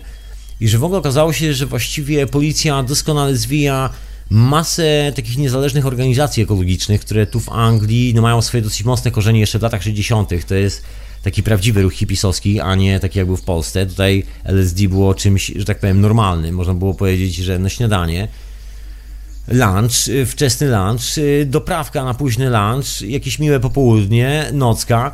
To był taki rewolucyjny okres, lata 60. Wtedy powstały te organizacje. Wtedy w ogóle zaczęło się troszeczkę inne patrzenie na jedzenie, zaczęło się w ogóle inne patrzenie na życie, troszeczkę w skali masowej. Bardzo dobry moment. Dzięki temu dzisiaj jesteśmy jakby przedłużeniem pewnej koncepcji, rozwinęliśmy je dalej i mamy troszkę wygodniej w tamtą stronę. Troszkę więcej wiemy. Właśnie zniknął pewien element religijny z naszego życia, pojawił się troszeczkę więcej wiedzy na temat, kim jesteśmy, a kim przede wszystkim nie jesteśmy. Myślę głównie z tego powodu. Między innymi, oczywiście tutaj możemy się jak zwykle spierać, co jest przyczyną. Ja mam tu swoje koncepcje, oczywiście, jak zwykle. No ale wracając do tego aspektu religijnego i agentury. No i oczywiście okazało się, że wybuchła wielka bomba, bo okazało się, że szef ruchu najba najbardziej ekstremisty ekstremistycznego ruchu ekologów Anglii jest wtyczką policji, wtyczką tajnej policji. A koleś nawet specjalne tatuaże takie ekologiczne sobie porobił. Poważna historia. On pewnego dnia stwierdził, że już nie wytrzymuje tej presji, w jakiej żyje, tego, tych podwójnych światów. No i stwierdził, że musi się przyznać podał swoje całe numery identyfikacyjne z policji, podał wszystkie dokumenty, ogłosił to publicznie, wszystko ujrzało światło dzienne, było w The Guardian Times, wszędzie, w każdym brukowcu w Anglii. Oczywiście i wielki szok do całego towarzystwa ekologicznego i się okazało, że wtyczka była na samej górze. Właściwie koleś, który kręcił tym wszystkim, pociągał za wszelkie sznurki, koleś, który pierwszy się wyrywał do akcji, był najczęściej aresztowany, czasami skopany przez policję i tak dalej, więc takie show było konkretnie odstawiane. Okazał się centralnie wtyczką policji, która nie wytrzymała ciśnienia. Policja się wkurzyła, oczywiście sprawa okazała się jak najbardziej prawdziwa. To nie było tak, że policja się wyparła wszystkiego, były wszystkie dokumenty, także sprawa się rypnęła.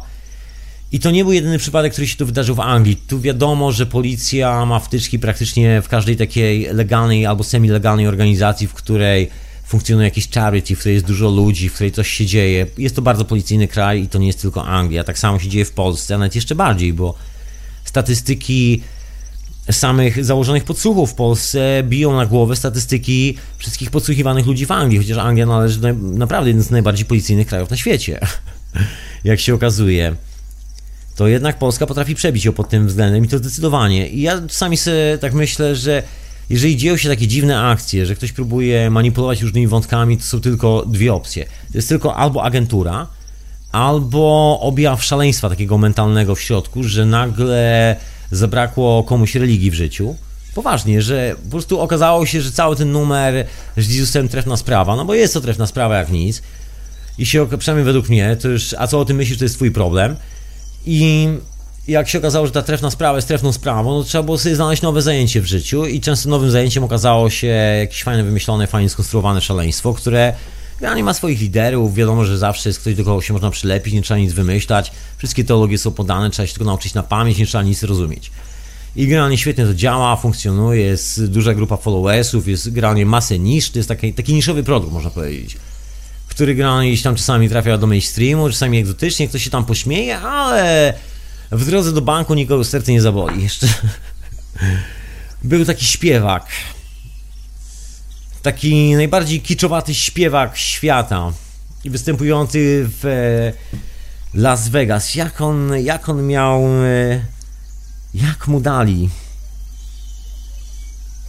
No nie przypomnę sobie, ale był takim uosobieniem kiczu i do takiego już tak przylukrowanego, że można było zwymiotować i występował zawsze z moimi pieskami różowymi na scenie, coś w tym stylu, w jakiś futra, prostu abstrakt, kompletny abstrakt, psych, psychoza maniakalna. Znaczy, przynajmniej z mojego punktu widzenia, na pewno fantastyczny człowiek, ale zwariował. I, i jest taki dowcip o nim, że yy, że ktoś mu powiedział, że gra najbardziej paskudną muzykę na świecie, na co, na co on powiedział na tego odpowiedź brzmiała mniej więcej tak, że tak, wiemy, też nad tym ubolewam i płaczę w drodze do banku, kiedy odbieram pieniądze za swój kolejny koncert. A facet pobierał potężne sumy za koncerty, były jakieś milionowe kwoty, jakiś taki ekstremalny kicz, który został, uzyskał status jakiegoś ekstremalnego luksusu w kasynach w Las Vegas. Zapomniałem, jak koleżka miał, że tak powiem, na imię, jaką miał ksywę nie był to Sinatra absolutnie, absolutnie nie był to Sinatra, chodzi o kogoś zupełnie innego. No mniejsza o to, w każdym razie takie uosobienie kiczu, jeżeli sobie przypomnę, to oczywiście ci podam, to gdzieś tam wrzucę po drodze. no to mniej więcej w ten sposób, tak to wygląda. No i wracając do, do tego religijnego wątku, wydaje mi się, że nawet agentura właściwie polega z religii, bo agentura to jest, to jest kawałek organizacji, takiej sprytnej organizacji, która służy temu, żeby właściwie zachować status quo rzeczywistości, żeby cokolwiek się pojawia nowego, a wiadomo, że jeżeli pojawia się coś, co jest wiedzą, to wiadomo, że redefiniuje rzeczywistość. Że wiadomo, że trzeba będzie spojrzeć na wiele spraw inaczej, pewne rzeczy okażą się śmieciami, trzeba będzie czasami sobie powiedzieć do widzenia, a czasami przywitać się z kimś, z kim się nigdy nie witało. Jest masa aspektów, które są kompletnie nieprzewidywalne w takiej sytuacji. Wszystko zależy tylko i wyłącznie od dobrych intencji i generalnie pewnej otwartości i świadomości tego, że jesteśmy One Nation, One Space. Coś w tym stylu. Otóż to. Całkiem miła historia, ale jednocześnie zachowując własny indywidualizm. Także jeżeli spojrzymy na to od tej strony, to wiadomo, że jest to rodzaj organizacji, która stara się zablokować w pewien sposób to, jak wyrażamy swój własny indywidualizm, to jak daleko możemy się posunąć w tym, że żyjemy po swojemu według własnego pomysłu. Chcesz żyć po swojemu, chcesz sobie przekroczyć rzekę, bo po drugiej stronie na przykład rzeki mieszka Honza no to musisz mieć paszport albo coś tam. Chcesz przekroczyć rzekę, po której e, drugiej stronie obywatel nazywa się w zupełnie innym, niezrozumiałym ci języku, chociaż jest takim samym człowiekiem jak ty, no może ma inny kolor skóry? Nie za bardzo, musisz mieć wizę. I tak dalej, i tak dalej. To są takie dziwne, egzotyczne sprawy i właściwie cała ta agenda religijna, agentura religijna, która gdzieś tkwi w naszych głowach, sprzyja budowaniu takich systemów, które tak się manifestują. Właśnie na zasadzie budowania takiego pociągu do religii, pociągu do lidera, który wymyśli sztywne zasady, bo jedyna metoda kontrolowania takiego systemu to jest wymyślenie sztywnych zasad i stworzenie takiego pułku, który zawsze idzie za każdą armią na polu walki z tyłu i jeżeli ktoś próbuje zwiewać z pola walki, to ci koleś mają przeładowaną broń i rozstrzeliwują na miejscu każdego uciekiniera za dezercję. No oczywiście z tym rozstrzeliwaniem jest różnie, połowa z nich celuje w górę i to robi świadomie, bo nie są w stanie wycelować w człowieka, tym bardziej, że jest to ich kumpel, z którym właśnie przed chwilą siedzieli w okopie. I akurat kumpel e, nie wytrzymał, stwierdził, że nie będzie partycypował w tej strzelaninie i wybrał drugi kierunek. Są różne historie z tym związane, no ale to już patologie naszego współczesnego świata, które właśnie ponoć są w naszej naturze. Zabawne, bo ilekroć ktoś próbuje uciekać, żeby w sytuacji tej ekstremalnej konfrontacji, kiedy manifestuje się jego żywa, prawdziwa natura, ocalić świat od, zaguby, od zagłady, to natychmiast zostaje kulka od faceta, albo, albo ktoś stawia jakiegoś faceta, który, któremu daje się zadanie, żeby, żeby go zatrzymał, że nie może być tak, że świat wróci do normy.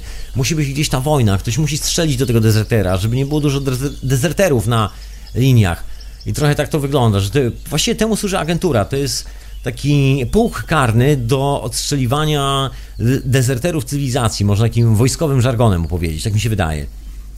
To jest coś e, na kształt takiego, takiej opowieści o współczesnym systemie, który, który nas otacza. Tak mi się wydaje. I to się manifestuje na różne sposoby. Myślę, że z jednej strony manifestuje się tym, że mamy coś takiego jak religię na świecie, czyli cwaniaków, którzy próbują nas wystraszyć, opowiadając niesamowite historie o tym, co nas spotka po śmierci, że oni są e, jakimiś męczennikami, którzy ładują nam e, za pośrednictwem w ogóle swojego umysłu, są strumienie informacji prosto do jakiegoś bóstwa.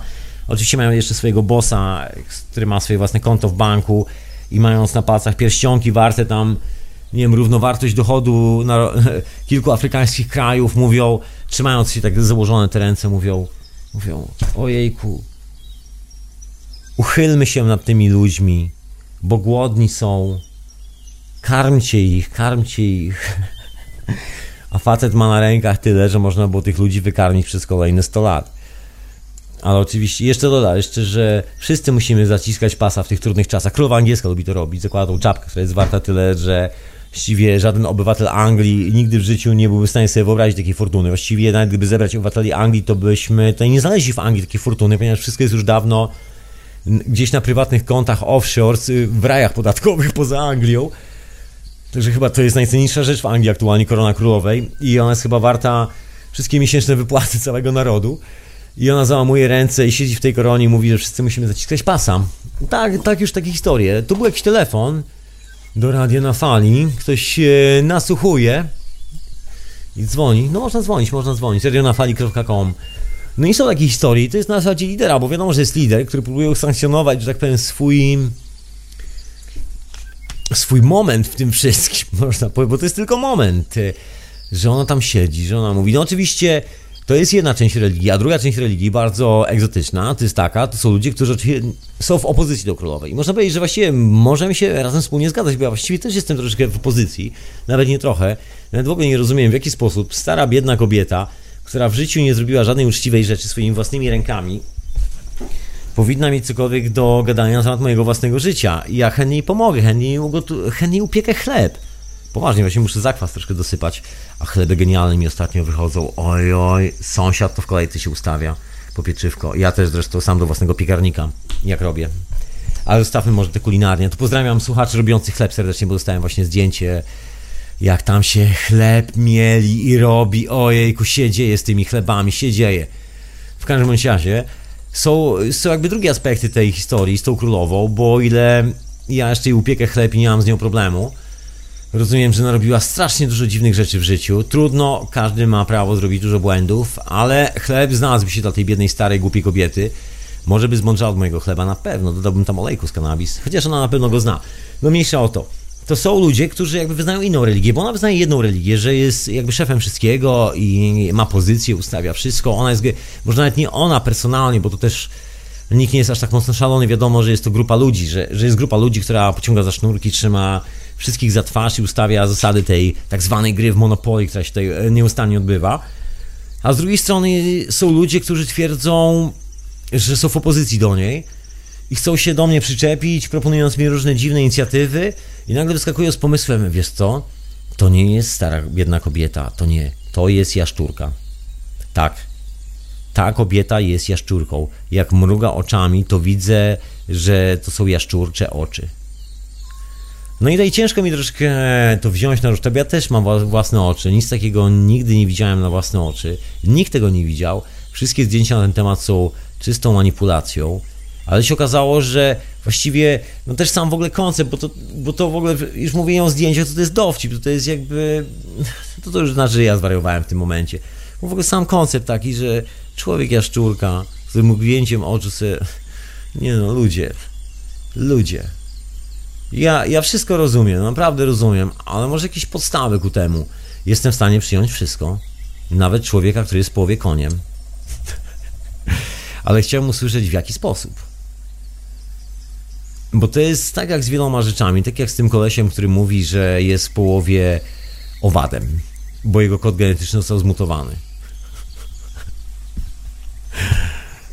I koleś, który pokazuje takie mocno powykręcane zdjęcia, naprawdę bardzo mocno wykręcane zdjęcia, pokazując ciemne spoty na tych zdjęciach, w miejscach, gdzie się łączą płaty, gdzie się łączą płaty w mózgu, gdzie przy pewnych kątach robienia zdjęcia po prostu wychodzi ciemne. Zresztą te zdjęcia wychodzą tak dziwnie, że wiem, bo miałem skanowane 3D kilka razy swoją głowę, taki skan robiony właśnie i rentgena takiego sprytnego właśnie 3D.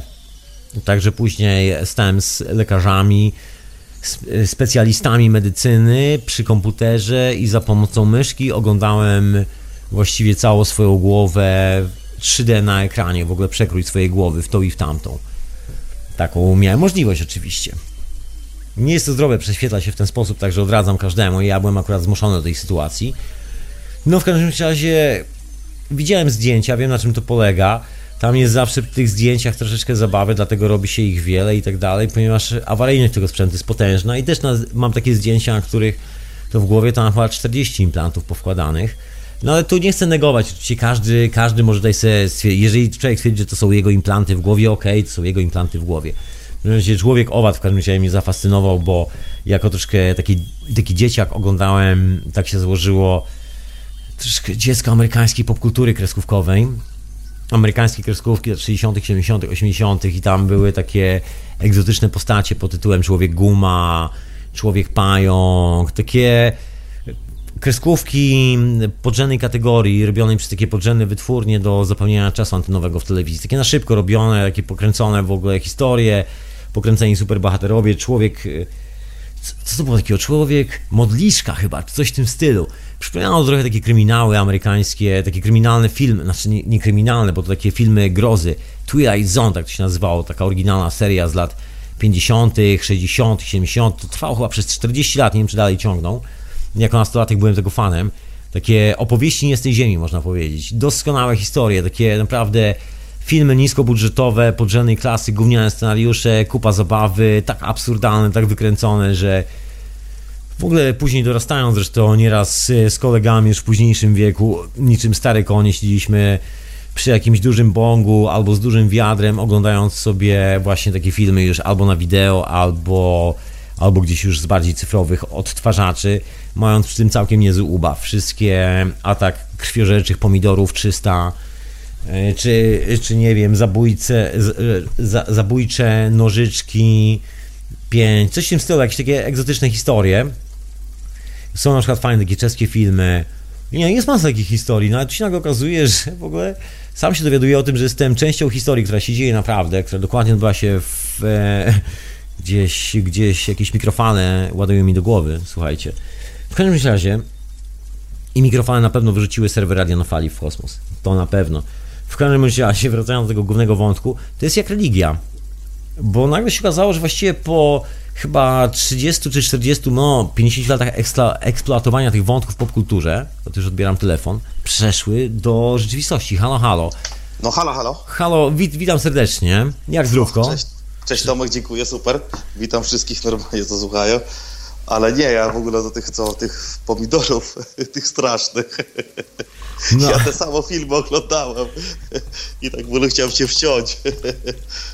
To w ogóle o wampirach i o pomidorach. Różne rzeczy, różne, różne bardzo egzotyczne, na przykład najeźdźcy z kosmosu 5, rozumiesz, wszystkie takie tak, egzotyczne tak, sprawy. Tak, to ja normalnie to oglądałem. Słuchaj, czy nie masz wrażenia... W ogóle jakieś gremliny czy coś. Słuchaj, czy, czy nie masz wrażenia, że przypadkiem, ja mam takie wrażenie, że to jakby, bo jesteśmy kulturą cargo, to jest taka moja koncepcja, którą tu czasami poruszam, że ta kultura jest kulturą cargo i zawsze jest poszukiwanie najbardziej szalonego ideału. Im bardziej coś wykręcone, tym bardziej godne pożądania i poszukiwania.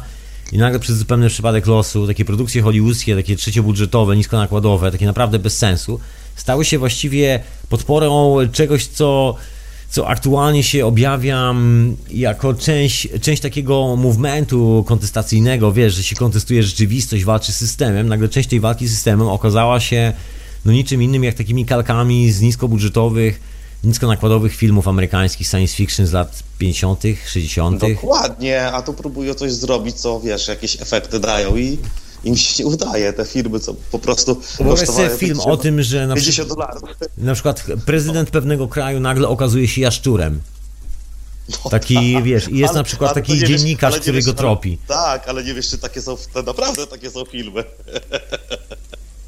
albo na przykład jest tajna baza badawcza, która odkrywa na potrzeby rządu e, taką maszynę, która z specjalnymi falami mikrofalowymi przesyła ludziom do głowy myśli. No, Sorry, no, nie słyszę.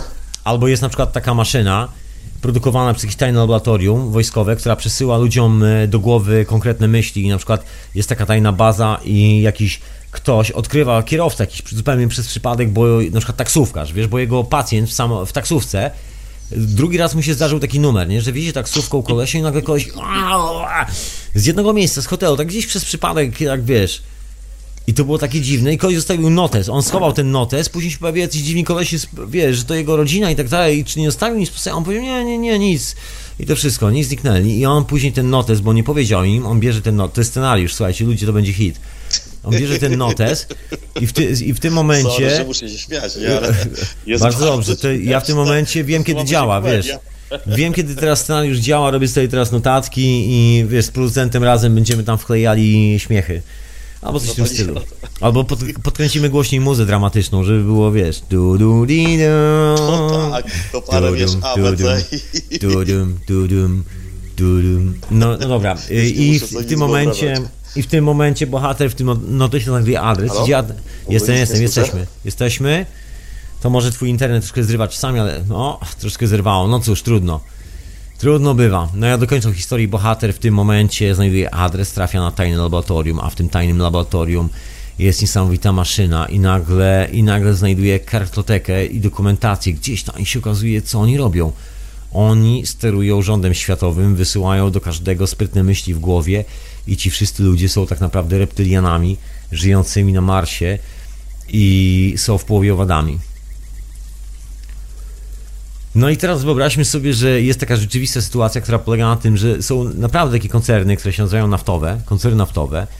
Każdy z nas używa benzyny do pewnego stopnia, nawet jeżeli nie masz samochodu, tak samo jak ja, to używasz benzyny, bo część towarów, które kupujesz, musi zostać dowieziona do ciebie, także czy chcesz, czy nie, też partycypujemy wspólnie razem w tym benzynowo-spalinowym świecie. To nie jest tak, że jak nie mam samochodu, to w tym nie uczestniczę. Też w tym uczestniczę. Tak długo jak cała infrastruktura jest na tym oparta, jestem, że tak powiem, partycypantem tej sytuacji. No więc w tym momencie wyobraźmy sobie, że jakby to powiedzieć, e, jeżeli jest, no właśnie, i w tym momencie sprawdźmy skład chemiczny paliwa. Co w ogóle nam się dolewa? Wiadomo, że tych firm naftowych jest parę. To jest yy, taki monopol. To się nazywa w ogóle kartel oficjalnie, kartel OPEC.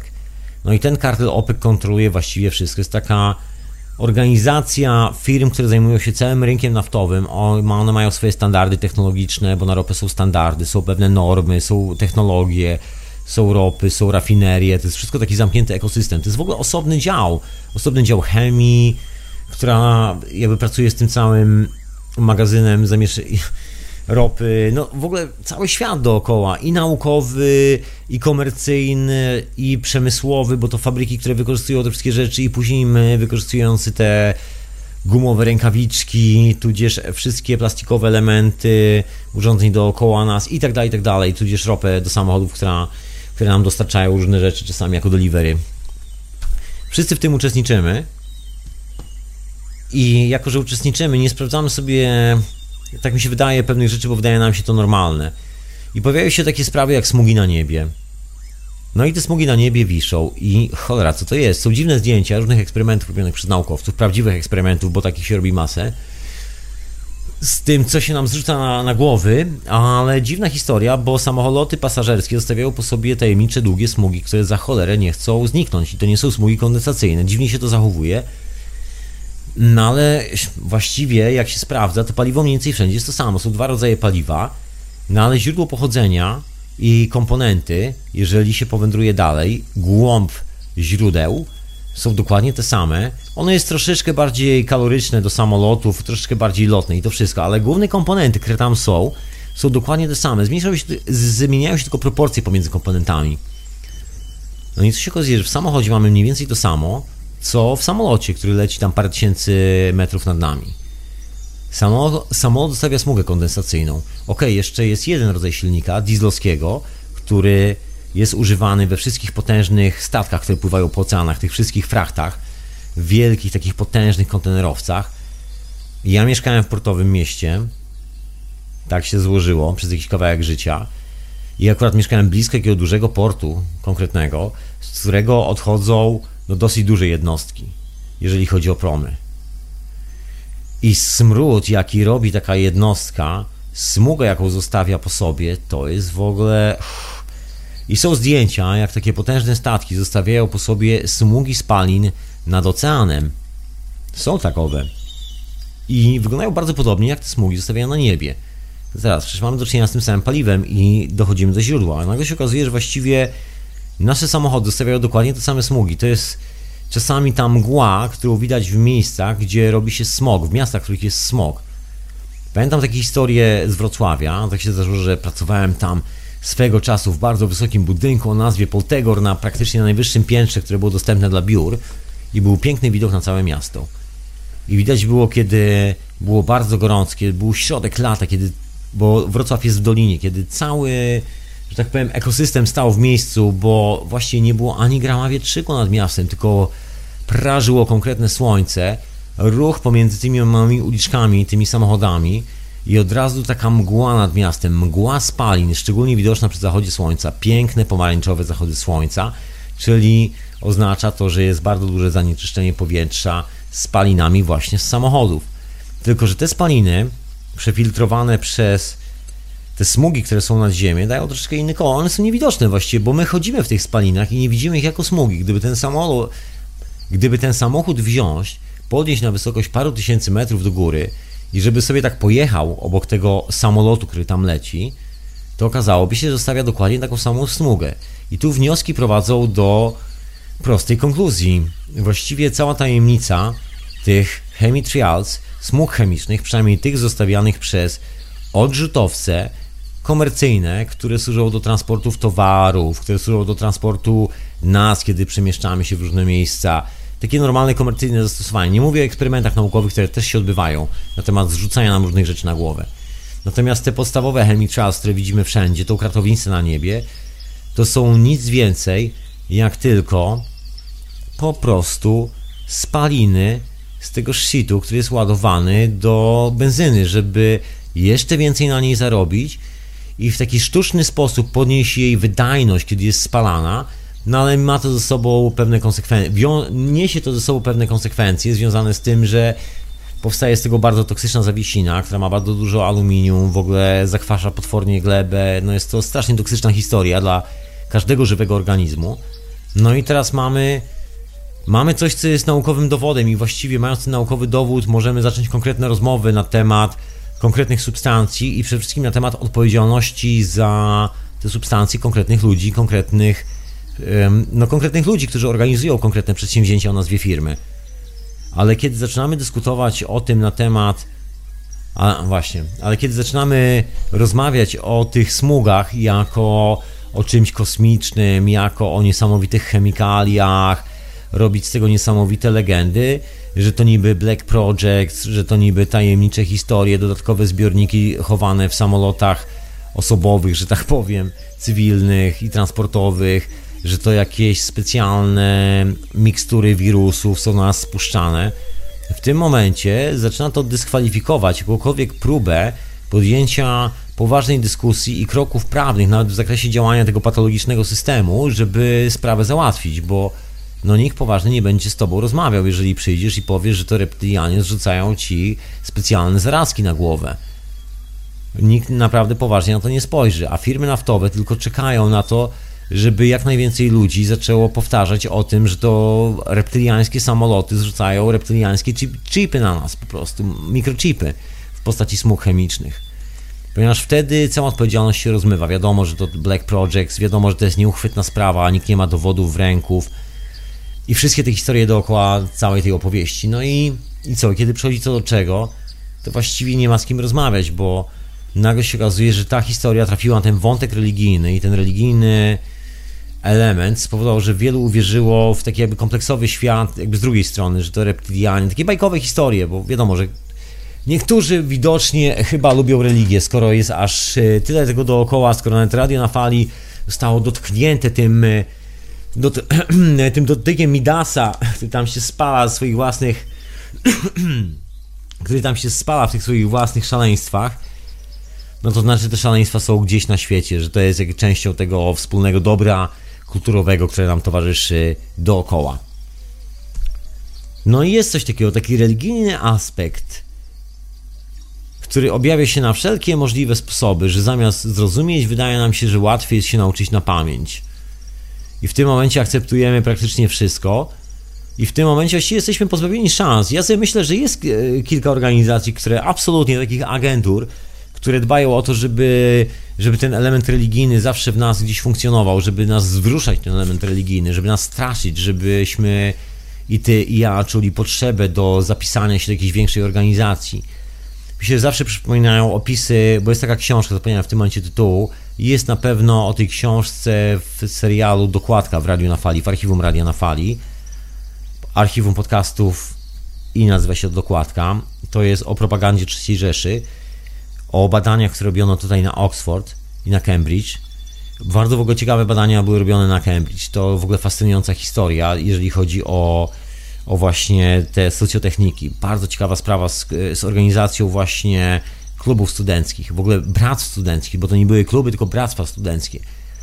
Z cyklu, jak spowodować, żeby młodzi ludzie, którzy mają potrzeby potrzeby bycia i jakby manifestowania swojej indywidualności, pomysłowości w stosunku do życia i tego, że są na uczelni, że mają dostęp do wiedzy, jak ustawić ich w takiej sytuacji, że nawet jeżeli zostaną bardzo utalentowanymi ludźmi w swoich dziedzinach, czegoś się fajnie nauczą i zaczną operować tym tematem, to jednocześnie, żeby dalej pozostawali pod kontrolą za pomocą takich, e, że tak powiem, uczonych bodźców, żeby wpoić coś w rodzaju łańcucha zależności pomiędzy nimi a instytucją, która ich wypluła i w ogóle związać ich w taki troszkę bardziej mocniejszy sposób z instytucją, żeby ich życie było, było jakby pasmem relacji z różnymi organizacjami, przede wszystkim z jedną organizacją na przykład. I chodziło o to bractwo studenckie, żeby, żeby to jakoś zadziałało i wiadomo było, że to ludzie sami tworzą, że jest pewien impulsów, pewien zestaw impulsów, który sami, bo naturalnie tworzymy społeczności. I teraz tylko pytanie, jak przechwycić tą społeczność, za pomocą czego? co tam wrzucić, jakie elementy wprowadzić. I one są zawsze wprowadzane sztucznie. Ta społeczność nigdy nie jest naturalna, ona zawsze jest patologiczna. To jest niestety tak zwany side effect. Ten side effect jest opisywany teraz przez menadżerów w takich dokumentach, które bardzo rzadko kiedy mają możliwość używania światła dziennego. Chodzi o sposoby zarządzania dużymi korporacjami i sieciami sklepów. Okazuje się, że tak zwany skutek uboczny, bo to jest dosłowne tłumaczenie side effects angielskiego, tego ekosystemu, który jest tworzony na przykład w, firm, w dużej firmie, że jest tam set ludzi, którzy pracują razem ze sobą, czy się lubią, czy nie. Wszyscy tam pracują, bo w większości mają kredyt do spłacenia i właśnie obowiązki w życiu, jak to się mówi. i się okazuje, że tworzą się patologiczne sytuacje, patologiczne zależności pomiędzy ludźmi, które, których nikt nie jest w stanie rozładować. Robią się potężne frustracje i wydajność jakby pracy praktycznie znika. Wszystkie te korporacje mają potężne problemy z innowacyjnością. One zatrudniają bardzo chętnie dużej ilości tak zwanych innowacyjnych ludzi, w cudzysłowie można powiedzieć, ludzi ze świeżymi pomysłami, dają im bardzo duże wolne, e, że tak powiem, warunki, dużo wolnego, dużo czasu jakby tak do spędzania po swojemu do dyspozycji, bo się nagle okazało w dzisiejszych czasach, że mm, taki rodzaj eksploatacji pracownika powoduje kompletną załamkę i o ile los pracownika nikogo za bardzo nie obchodzi, to odbija się to mocno na wydajności działań w firmie. Właściwie wydajność jak wyda wydajność, bo to i tak są korporacje, właściwie nie ma to żadnego, żadnego sensu, tak czy siak, z której strony by na to nie spojrzeć, ale chodzi o, o tak zwane statystyki, że ten człowiek już rzadziej klika na cokolwiek, ten człowiek e, rzadziej reaguje na jakiekolwiek bodźce z zewnątrz, bo właściwie cała ta agentura, cała ta religia, jakakolwiek by nie była, czy to jest korporacja, czy to jest cokolwiek innego, polega na tym, żeby każdy z nas, ty i ja, żeby nasza reakcja następowała dokładnie wtedy, kiedy ktoś nam zaproponuje tą reakcję. Żeby była taka interakcja na zasadzie, ktoś wysyła impuls, a my w tym momencie reagujemy na ten impuls. I zawsze ma się to dziać bez, że tak powiem, żadnego zakłócenia. I w tym momencie okazuje się, że właściwie nie ma takiej opcji, żeby wysłać człowiekowi regularnie, wysyłać w ogóle regularnie impuls i go nie zatłuc.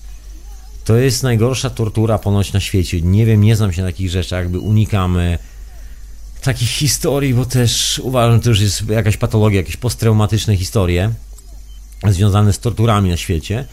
No ale myślę, że wielu z nas doskonale wie, że najgorszą torturą jest kropelka wody, która tam kapie, odpowiednia częstotliwość kapania i w człowieka i to niszczy niektórych ludzi strasznie. Ta regularność. Się okazuje, że równy bit też nas niszczy. Ja chyba kiedyś wspominałem o tym moment, kiedy nasze serce ma idealnie równy co do mikrosekundy bit, czyli bije tak tu, tu, tak naprawdę centralnie równiutko, to znaczy, że właśnie w tym momencie mamy zawał serca.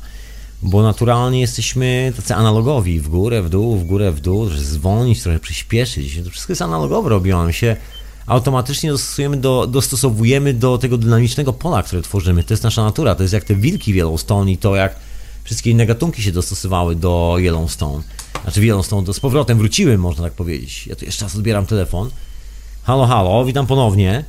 A, dziękuję bardzo. W ogóle że telefon jakoś się rozłączył. Mhm. Mów z czym dzwonisz, człowieku, mów z czym dzwonisz.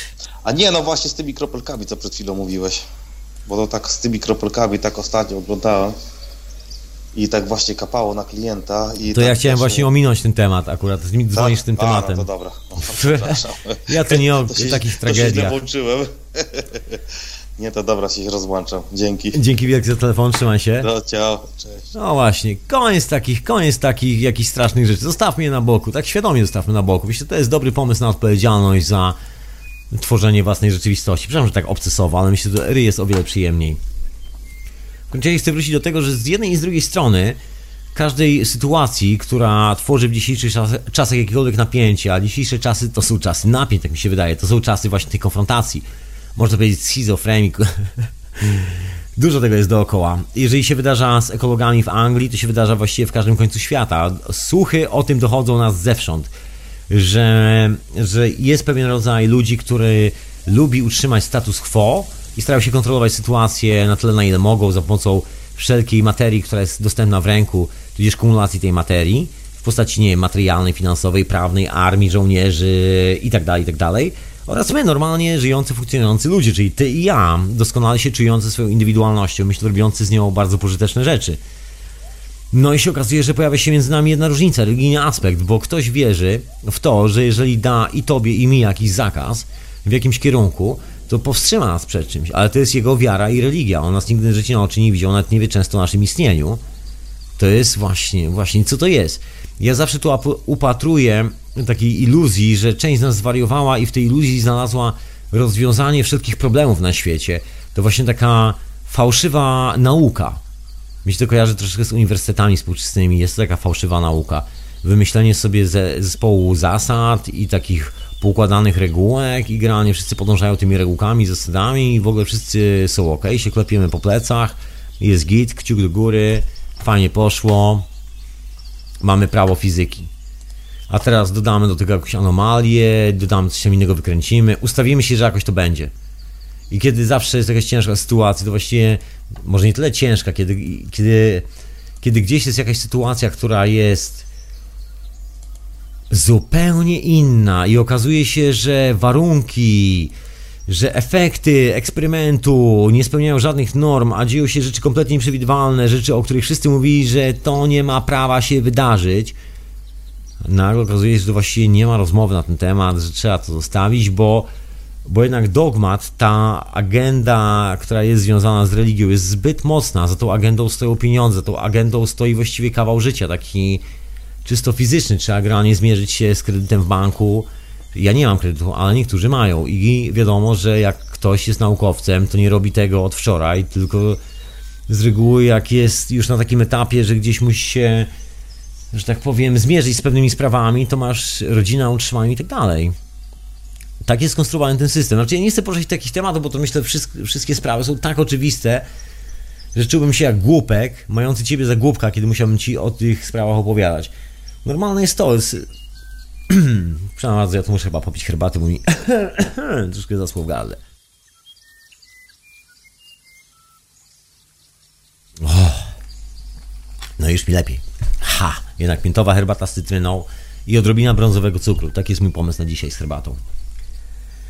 I sobie myślę, że normalne jest to, że część z nas, że tak powiem, system zmanipulował i zmanewrował do takiego kąta, że trzeba troszkę się uwijać w życiu i jest troszkę zależności ze sprawami, które niekoniecznie są wygodne, ale to też myślę tylko taka chwilowa sytuacja i że to też właśnie zależy od tego religijnego aspektu.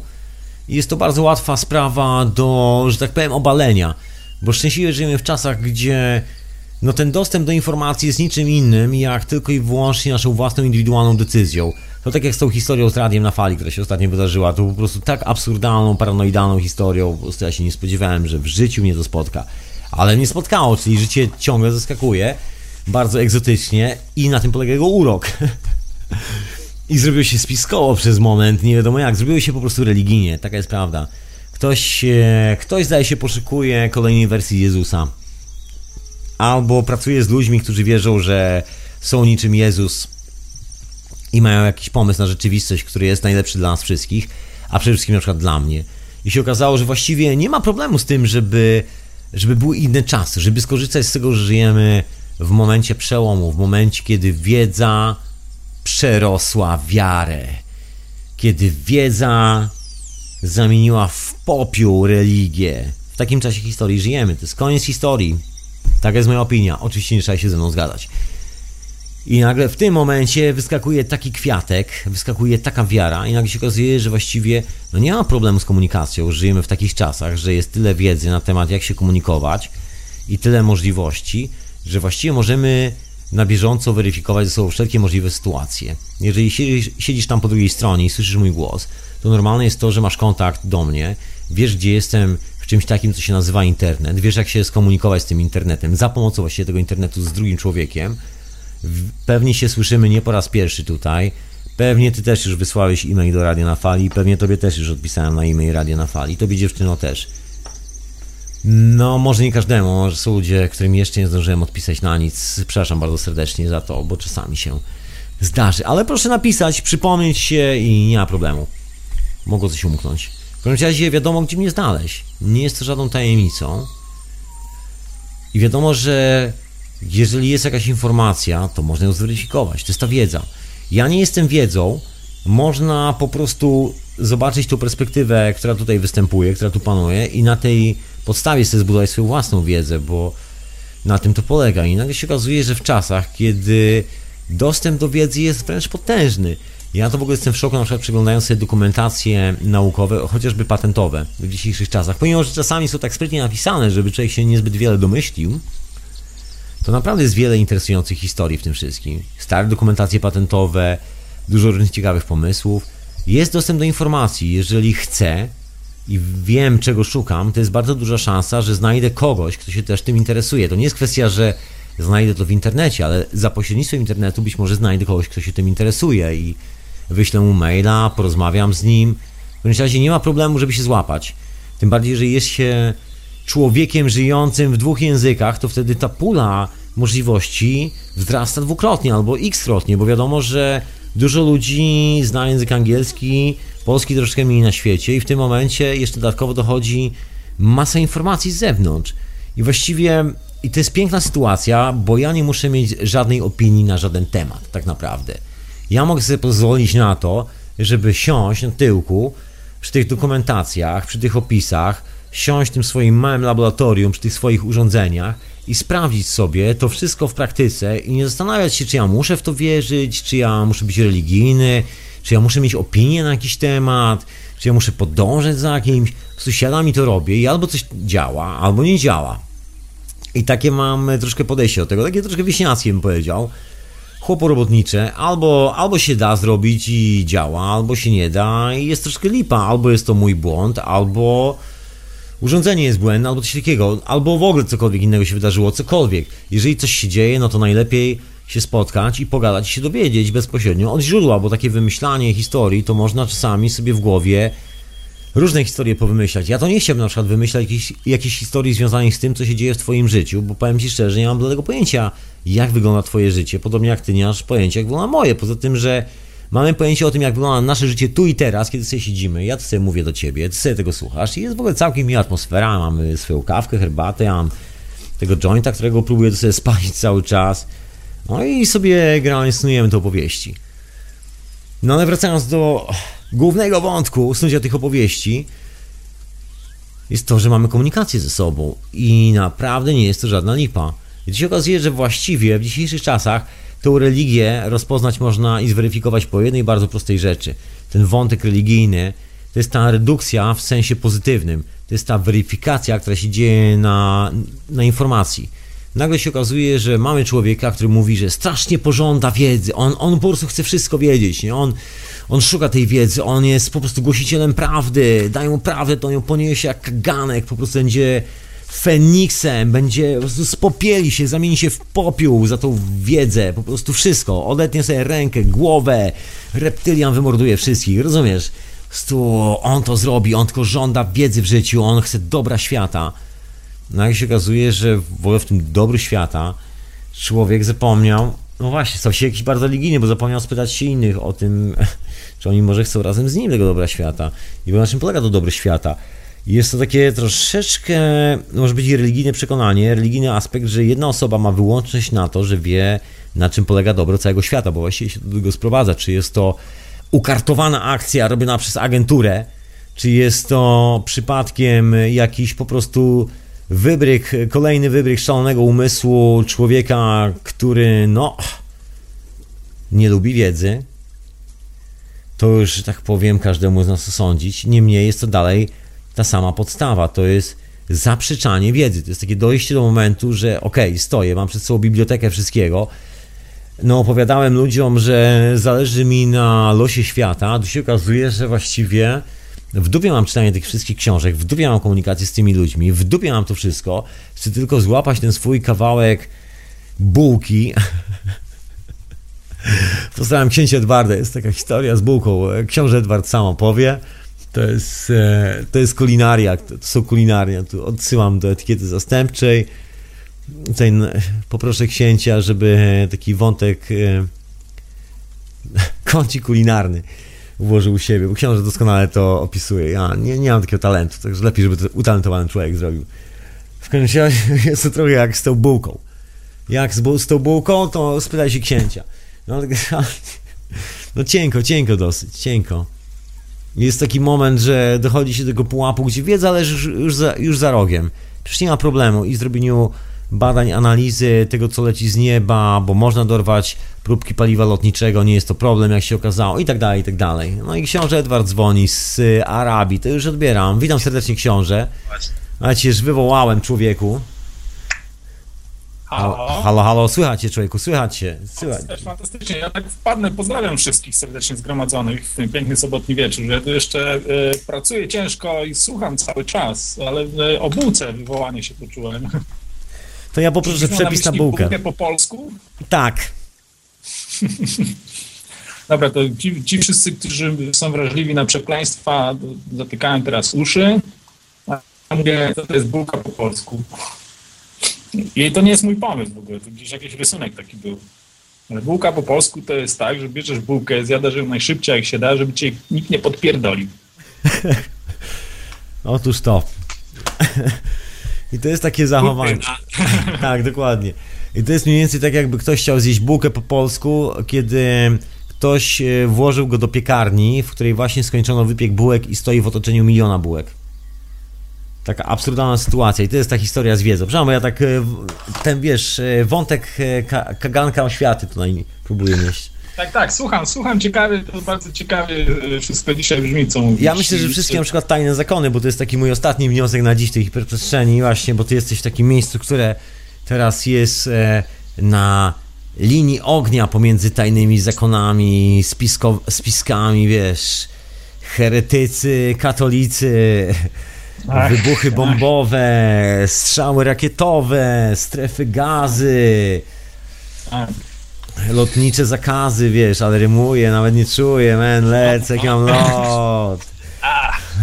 Arabski lot. W każdym razie jest taki syndrom arabski troszeczkę, wątek arabski w tym wszystkim. Jakiś taki Wiesz co, nie tylko, nie tylko. To, nie jest, tylko. To, jest jakiś, to jest jakiś taki wirus na, na ludzkość, który wiesz, mam wrażenie, że to jest ten sam temat, który wiesz, spowodował, że nie wiem, y, jakieś, w jakimś momencie, kiedy wszyscy żyli sobie y, wiesz, w miarę swobodnie i nie mieli żadnych problemów, właśnie kilku kolesi wpadło na pomysł, że coś podpierdolą i... Zrobił sekretną armię całego świata. Tak, tak. Wiesz co, paradoksalnie, widzisz, oglądałem wczoraj jakiś y, dokument o Hitlerze i o, Sieg Heil, Wielka Polska. O początkach tego, jak, jak się właśnie, wiesz, jak Hitler dochodzi do władzy i to jest centralnie też taka właśnie zmowa paru kolesi, którzy, którzy mają, wiesz, mają pomysł na życie dla wszystkich. No. Dokładnie. I to jest wiara. To jest... gimnastyka. Otóż to, tak wyglądał ten eksperyment. Ja nie chciałem mówić specjalnie, zostawiam tam, niech sobie odsłuchają w dokładce, ci, którzy nie słuchali. Wspólna gimnastyka i wspólne tańce, takie, ale takie duże. Nie mówię o tańcach takie, że idziesz do lokalnego klubu no nie, nie, nie. na no parkiet, tak, tylko wiesz. taki już przerośnięty, taki, że tam jest 5000 par i jest główny układ taneczny, w którym partycypują wszyscy naraz.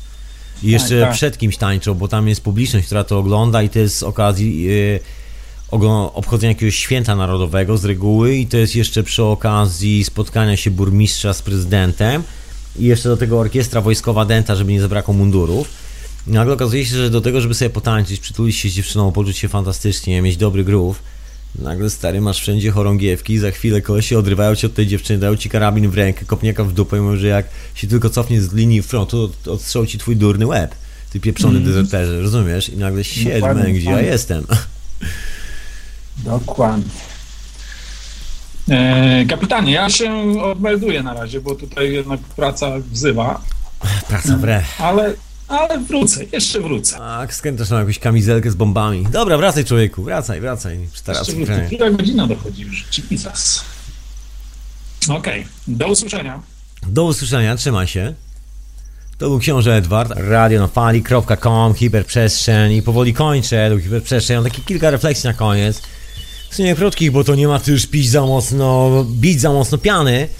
Tak mi się wydaje, że właściwie przecież jak się przyjrzeć historii, tak przynajmniej taka jest moja refleksja, to te wszystkie tajne zakony, od których się zaczęły, te wszystkie tajne organizacje, te wszystkie tajne, dziwne misje, żeby kontrolować świat, te, które sprzyjają e, wszystkim szaleńcom na świecie, po to, żeby ten obraz nigdy nie był klarowny, bo kiedy nie jest klarowny, nikomu nie wpadnie na pomysł zrobić analizy tej benzyny, właściwie tego, co wylatuje z rury wydechowej samochodu i nikt nie wpadł na pomysł, że przecież te smugi, te chemitrials są dokładnie te same rzeczy, które wylatują z samochodu, każdego naszego samochodu.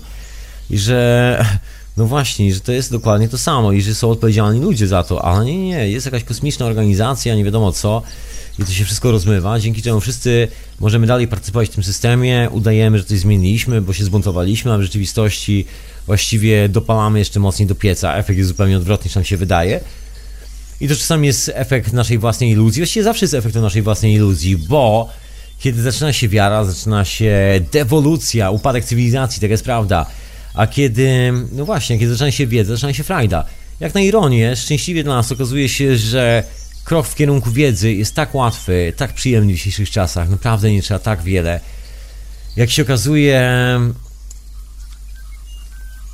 jakby taka historia pod tytułem unikania wiary i w sensie konfrontowania się nieustannie z wiedzą, czyli jeżeli przyjdzie mi jakiś pomysł do głowy i dzięki temu mam narzędzia, możliwości skonfrontowania swojej abstrakcyjnej idei, która być może jest oparta na wierze, z jakąś wiedzą, z tym jak to funkcjonuje, w ogóle z odbiciem, cieniem tego w rzeczywistości, z interakcją tego w świecie, w tym momencie konfrontacja jest tak naprawdę wyzwoleniem, to jest największy fan.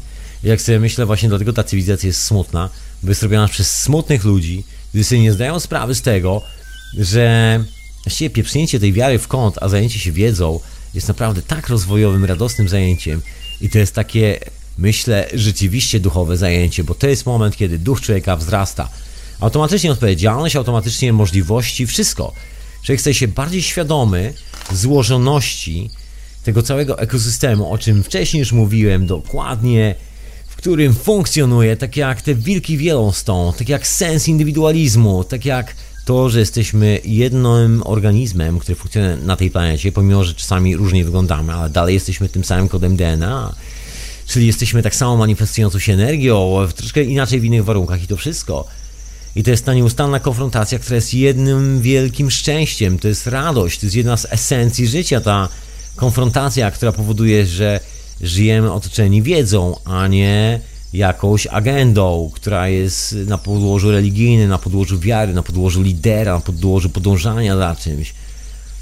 Tutaj można sobie już pozwolić bez tego szaleństwa na redukcjonizm, na taką pozytywną selekcję. Dzięki temu ja myślę, że po prostu rewelacja, że to jest normalność dla świata i że to jest ten moment, nawet chyba nie ja myślę, bo właściwie widać to dosyć mocno po świecie, słabo być to oryginalnym, że to jest ten moment, kiedy w sytuacji krytycznej, nawet najbardziej ekstremalnej, nagle do głowy, nawet na te parę chwil wraca nam ten prawdziwy obraz świata, nawet wtedy. Niektórzy mówią, że trwoga to do Boga. Nie, nie, do żadnego Boga. Wszyscy biegniemy do normalnych światów. Do swoich własnych światów, takich, w których czujemy się bezpiecznie. To, że niektórzy biegną do Boga, to to, że od dziecka mają wbite tego Boga do głowy, te bóstwa, nie tylko dlatego. Natomiast jeżeli nie wbijesz tego nikomu do głowy, i dasz mu możliwość biegnięcia do jego własnego szczęścia, to od razu tam wyrwie. To jak osadnicy, którzy przypłynęli do Ameryki. Wszyscy uciekli do Indian. Nikt nie chciał zostawać w fortach. Okazało się, że wszyscy mają w dupie królewską władzę i psychopatyczne nakazy.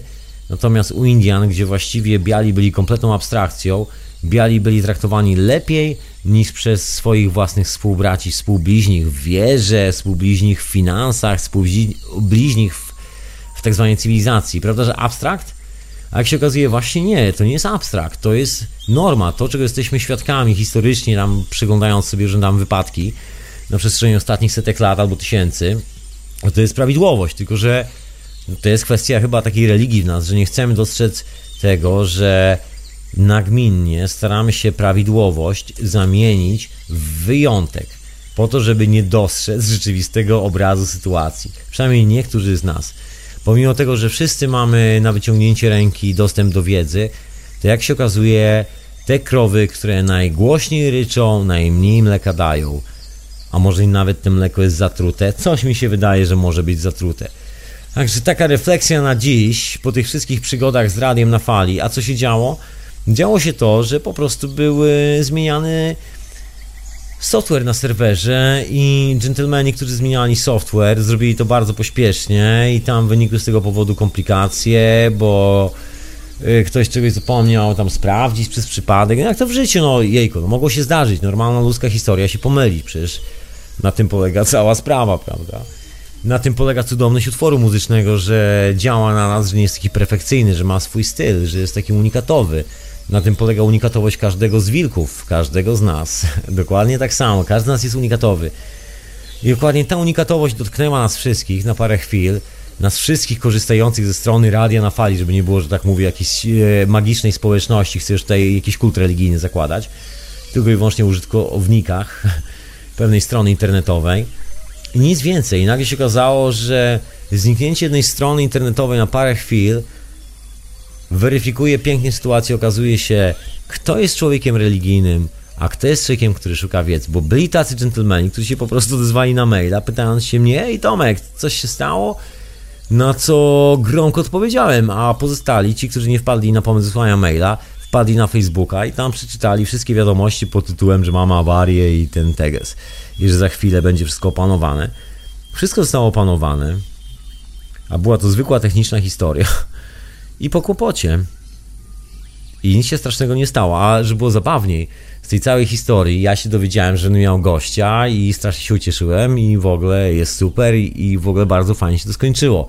Także okazuje się, że, że wiedza, czyli ludzie, którzy w rzeczywistości, których powinno się zapytać, o co w ogóle w tym wszystkim chodzi, nigdy nie zostali zapytani o tą wiedzę, a nie zostali zapytani świadomie o tą wiedzę, ponieważ gdyby się pojawiła ta wiedza, to być może obaliłaby troszeczkę kilka mitów, na których ktoś próbuje zbudować coś na kształt jakiejś nowej sekty, nowych wyznawców, którzy, którzy opłacą to wszystko, którzy stworzą środowisko, dzięki któremu uda mu się przetrwać w tym niebezpiecznym świecie, w którym targają dziwne agentury i on broni świat przed tym nowym porządkiem świata. Ja myślę, że tacy ludzie, którzy stoją właśnie w takiej sytuacji, że budują te wszystkie religie, mind control, religie kuchenek mikrofalowych, które latają, religie tego, że mamy do czynienia ze specjalnymi żołnierzami, którzy w połowie są owadami, mają specjalnie zmutowane DNA na Marsie. Ci wszyscy ludzie są tak bardzo religijni, jak bardzo religijni są najwięksi fanatycy w jakiejkolwiek religii. Monoteistycznej, jakikolwiek, cokolwiek. Po prostu każdy fanatyk jest, jest po prostu fanatykiem. Opakowanie i jego kolor nie gra absolutnie żadnej roli, zawartość jest zawsze taka sama. I że to jest taki moment, kiedy cokolwiek się dzieje, coś fajnego się dzieje, bo zawsze jest troszeczkę, no ktoś się musi do kogoś przylepić. Jak w tym starym nieeleganckim pojedzonku przykleuje się gówno do statku i mówi płyniemy. No i normalne jest to, że jeżeli się mało robi, to trzeba się przepaść do tych, którzy coś robią, więc naturalnie w sytuacji, gdzie coś się dzieje, widać taki moment próby sklejenia się z kimś, ale takiego na siłę. I to jeszcze na zasadzie wymyślania jakiejś teologii do tego wpakowania to w jakąś legendę, dodania tego sensacyjnemu wątku, a może chodzi o zmanipulowanie całego tematu od samego początku do końca.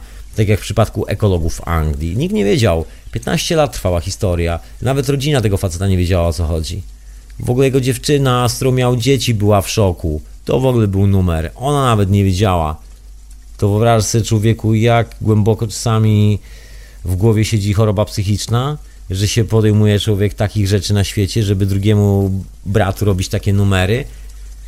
To niesamowita historia. Oczywiście to w przypadku Anglii, ale to wiadomo, że Anglia nie jest takim wyjątkiem, że to się dzieje wszędzie. I wiadomo, że nagle pojawia się coś, redukcjonizm, coś nagle znika z otoczenia o jeden element mniej przez chwilę i można zweryfikować, co się stało. Właściwie w jakiej e, sytuacji jesteśmy świadkami i są wszystkie możliwości kontaktu, zweryfikowania, jest cała wiedza i nagle się okazuje, że to jest ten moment polaryzacji, że niektórym zawsze nie po drodze z wiedzą, nie po drodze, bo wiedza jest zbyt niebezpieczna, bo przez wiedzę mogą stracić swoją bezpieczną pozycję, jakakolwiek by nie była. Czy oni mówią o, o dziwnych, kosmicznych historiach związanych z jakimś abstraktem, nie wiem, uwalniania świata od reptylian, czy też cokolwiek innego. Czy też chodzą do kościoła, klękają na kolana i tłuką głowami w kierunku Mekki, albo płaczą pod wielką ścianą w intencji szczęścia. No naprawdę. To już, to już jest dowolny wybór indywidualny każdego z nas. Niektórzy zapisują się do organizacji typu masoneria, niektórzy za, zapisują się do armii, niektórzy zapisują się do korporacji, niektórzy zapisują... cokolwiek każda rzecz, której intencją jest dokładnie jakby zredukowanie swojego, swoich możliwości poznawczych i swojej wiedzy do podążania za jakimś liderem, jest dokładnie tym samym. I taka ciekawa historia. I tu się nagle okazało, gdzie jest wiedza, a gdzie jest wiara. Także wszystkich wierzących, nie no, wszyscy wierzący teraz wiedzą, gdzie są. Wszyscy ci, którzy chcą się dowiedzieć i naprawdę chcą podrążyć temat troszkę bardziej wnikliwie, wiedzą też, gdzie są i z kim rozmawiają. I nagle się okazało, że sytuacja się oczyściła. Fenomen, prawda? To mi się podoba. To jest taki właśnie pozytywny redukcjonizm. Na początku zaczyna się troszkę zamieszanie, mi trzeba czasami hej, okiełzać to zamieszanie. I bardzo dobrze na tym to polega. To jest to prawdziwe życie, esencja. Wszystkie żywioły naraz. Piękne, prawda? To jest piękno życia, człowieku. Ja nie jestem w stanie się po prostu nacieszyć w życiu. Dokładnie. Z tego powodu, że dostrzegam to piękno, tą różnicę, jak to się dzieje. Dobra, to ja kończę swoje rzeczy. Idę, wszczałem sobie jakąś kanapkę ze swojego własnego chleba, ciemnego chleba żytniego. Wpadłem w fazę, że nauczyłem się po prostu wreszcie po długim czasie robić piękny, smaczny, żytni chleb, który pięknie wyrasta, ciemny chleb, bo w ogóle mam fazę na ciemne chleby. Wkładam w ogóle szybko dla wszystkich piekarzy taki tip, bo z ciemnym chlebem jest tak, że lubię jak jest wilgotny w środku, a mój piekarnik troszeczkę wysusza i to mocno wysusza, bo wcale nie jest szczelny, także chleb szybciutko odparowuje ciasto ma problemy czasami z wyrośnięciem w piekarniku, bo czasami za szybko wysycha, więc numer jest taki, że wkładam rondelek z wodą, metalowy, razem z tym chlebem do piekarnika, także ten rondelek z wodą cały czas paruje i dzięki temu tworzy kompleksową sytuację. Nie otwieram piekarnika, żeby ta para uciekała, zostawiam, przykrywam chleb kawałkiem papieru do pieczenia, takiego samego, którym nakręcam gansy, technologia Kesze, czwartek, godzina 22.30, reklama podprogowa w radiu na fali w hiperprzestrzeni. Dokładnie. I zostawiam to w piekarniku, piekę tak samo jak zwykle. Wróciłem do klasycznych metod. Testowałem metody księcia Edwarda, bo są rewelacyjne, tylko że mój piekarnik nie jest aż tak rewelacyjny, a metoda jest świetna, działa, tylko że u mnie za mocno wysusza chleb. Chodzi o przyspieszanie tego wszystkiego, tu już zostawię, zrzucam na, na księcia, niech on sam opowie u siebie w etykiecie zastępczej. No i piekę ten chleb, czyli na dwie fazy, jedna 200, tam 20 stopni Celsjusza, 230, 240, czasami jak chcę mieć krupiącą skórkę, jakieś pół godzinki, 20 minut w tej temperaturze wysokiej, później cała reszta 190 stopni, cały czas jest woda w piekarniku, tak żeby była wilgotna i żeby chleb się piekł w dżungli i po prostu jest tak smaczny, on jest taki fajny, wilgotny w środku, tak długo jest świeży. Znaczy nie mam okazji sprawdzić, jak długo jest świeży, bo jest po prostu pożerany natychmiast. Chleb razowy, taki ciemny, żytni, ciemny, nie rośnie aż tak potężnie, ale droga słuchaczka i drogi słuchaczu, bo tak marudziłem na chleb ostatnio, zrobiła się wiosna w Anglii. Powoli już robi się ciepło i widzę po zakwasie, zaczął się pięknie zachowywać, ślicznie rosnąć i po prostu zakwas wrócił do życia. Zakwasie, cieszę się, że jesteś tu z nami. Stoi obok mnie. Jeszcze wolę go trzymać się tutaj bliżej urządzeń, bo tu jest troszeczkę cieplej w kuchni. Jest jednak troszkę chłodniej, bo ona jest od, od e, ciemnej strony domu, a nie od jasnej. A tu jest od jasnej strony. Także stoi u mnie, żeby elegancko sobie kwit, żeby sobie żył spokojnie ten zakwas. I powiem Ci, że chleb wychodzi po prostu rewelacyjny. Żadnych dodatków specjalnych, normalnie oliwa, trochę soli. Nie kombinuję, nie dodaję nic specjalnie. Kupiłem sobie paczkę migdałów, żeby zrobić sobie chleb z migdałami, bo jest strasznie smaczny, to prawda. Jeżeli lubisz, to polecam sobie zgrindować migdały takie na pył. Tak dosłownie na taki dust, taki. On się lepi, bo one są oleiste, ale to fajnie, taki po prostu granulat troszeczkę, kaszkę i sobie wrzucić do ciasta. Strasznie smaczny chleb wychodzi, naprawdę bardzo smaczny. Ale jak sobie kupiłem paczkę, to cały zżarłem, zanim wróciłem do domu, po drodze ze sklepu. W sensie zżarłem, w sumie prawie, że. No tak, w sumie. No tak się zdarza. To jest po prostu addictive thing. Orzeszki, naprawdę, jestem uzależniony. Dlatego, kiedy tylko mam w ręku, to jem dopóki nie zobaczę dna paszki. Także niestety nie udało się dotrwać orzeszkom do momentu wypieku chleba. Także chleb klasycznie, taki normalny, bez dodatków. Ale powiem Ci, że tak smaczny. I to jest taka rzecz, a propos dzisiaj, w ogóle tego tematu, ja wcale nie żartuję, bo może, być może brzmi jak tak troszkę z dubska wyrwane i nie wiadomo skąd wzięte, ale to jest to, wiesz, ja mam sklep, Poważnie, i dziewczyno i chłopaku, poważnie bez ściemy. Wszyscy, którzy tu byli i mnie znają, mogą to potwierdzić. Sklep ze świeżym pieczywem non-stop, który ma własną piekarnię, znajduje się dosłownie rzut beretem ode mnie z drzwi. Ja właściwie mogę w kapciach wyjść do sklepu. I sklep jest czynny przez praktycznie, no nie prawie całą dobę, ale prawie całą dobę. Co jest tak sporo jak na Anglię i mam non-stop świeże pieczywo łącznie z kurasantami i tak dalej, i tak dalej w tym sklepie, bo ono ma swoją własną taką piekarenkę. To jest jedna z takich sieci, która tutaj jest w Anglii, supermarketów, otwarta do bardzo późna, z takim pełnym asortymentem i naprawdę jeżeli chciałbym zjeść tylko chleb, tylko zjeść chleb, jakikolwiek, po prostu coś zjeść, to bym w życiu nie stał i nie robił pieczywka, a lubię robić, bo zagniatam pieczywo dopóki nie poczuję pod palcami, że ciasto ma właściwą strukturę. I to trwa 20 minut minimum, czasami pół godzinki. Im dłużej, tym lepiej. Ja się wcale nigdy nie śpieszę. Lubię sobie zrobić taki masaż pleców, wygniatając ciasto. A do sklepu mam 3 minuty w to i z powrotem. Wcale nie żartuję. I sklep jest cały czas otwarty. I to jest trochę tak, że zastanawiając się od strony konformizmu, od strony religijnego aspektu, ja powinienem uwierzyć w tą cywilizację, że ja jestem konsumentem, że to jest oparte na tym, że sklep jest po to, żeby ja miał lepiej, żeby było wygodniej. Nie. Otóż nie do końca. Ja robię sobie zapasy mąki na dłużej, mogę je robić od hurtownika, od kogokolwiek i następnie te duże zapasy mąki są wykorzystywane, żeby robić chleb w domu. Oczywiście zajmuje to wiele dłużej, wymaga to własnej pracy, ale chleb jest taki, że ludzie dookoła są po prostu szczęśliwi i uszy im się trzęsą ze smaku, kiedy ten chleb wcinają. I jestem niezależny, bo to ja sobie piekę chleb taki, jaki chcę i jest naprawdę super. I nie ma żadnej chemii. I to jest ten aspekt wiedzy. I to się wzięło z wiedzy. Bo gdy miał aspekt religijny, wierzyłbym w to, że jest ekspert, który potrafi robić moje życie lepiej za mnie. A elementem mojego życia jest zjedzenie kanapki z mojego własnego, znaczy mojego własnego, po prostu ze smacznego chleba. A się okazuje, że smaczny chleb pieką nie wiewiórki, nie dinozaury, smacznego chleba, smacznego chleba nie pieką dżownice, ani drzewa, ani żadne tam rośliny, tylko ani rząd żaden nie piecze smacznego chleba, tylko pieką go zwyczajni ludzie tacy sami jak ja. I jedyne co pozostało zrobić, pozostało zrobić to samo co reszta zwyczajnych ludzi i nauczyć się piec chleb. Jak się okazuje, to wystarczy. I to jest moja niezależność w tym temacie. To jest zabijanie tego religijnego aspektu. Ja tu nie mam lidera piekarni, który, która, od której zależy. Ach, w tej piekarni to jest chleb. Ja miałem takie piekarnie przez kawał swojego życia w wielu miejscach. W Polsce, jak mieszkałem, jak mieszkałem w Irlandii, jak mieszkałem w Anglii, w różnych miastach, zawsze miałem jakąś swoją piekarnię i w pewnym momencie nie mam już własnej piekarni. Ja jestem swoją własną piekarnią i jedyną rzeczą, która się tu pojawiła, to jest ten piękny drugi element, który mnie uczy takiego fajnego dbania o rzeczywistość, że jest odpowiedzialność, bo ja muszę pójść i zrobić zapas mąk i tego nikt nie zrobi za mnie. Mogę się z sąsiadem dogadać, ale to muszę się dogadać, to też tego nikt nie zrobi za mnie. To wszystko jest na mojej głowie. Jeżeli chcę zjeść chleb, to nie wystarczy, że ja wyjdę i pójdę do sklepu i kupię sobie jakąś ideę i będę później szpanował, mówiąc, e, że są znakomite smaki tego chleba, tamtego, tylko że to jest po prostu kawałek e, codziennego życia, w którym jest zaklęta ta prawdziwa magia, taka prawdziwa. Też odbieram ostatni telefon na ostatnią chwilę, bo już kończę ten odcinek. Halo, halo. No halo. Witam serdecznie.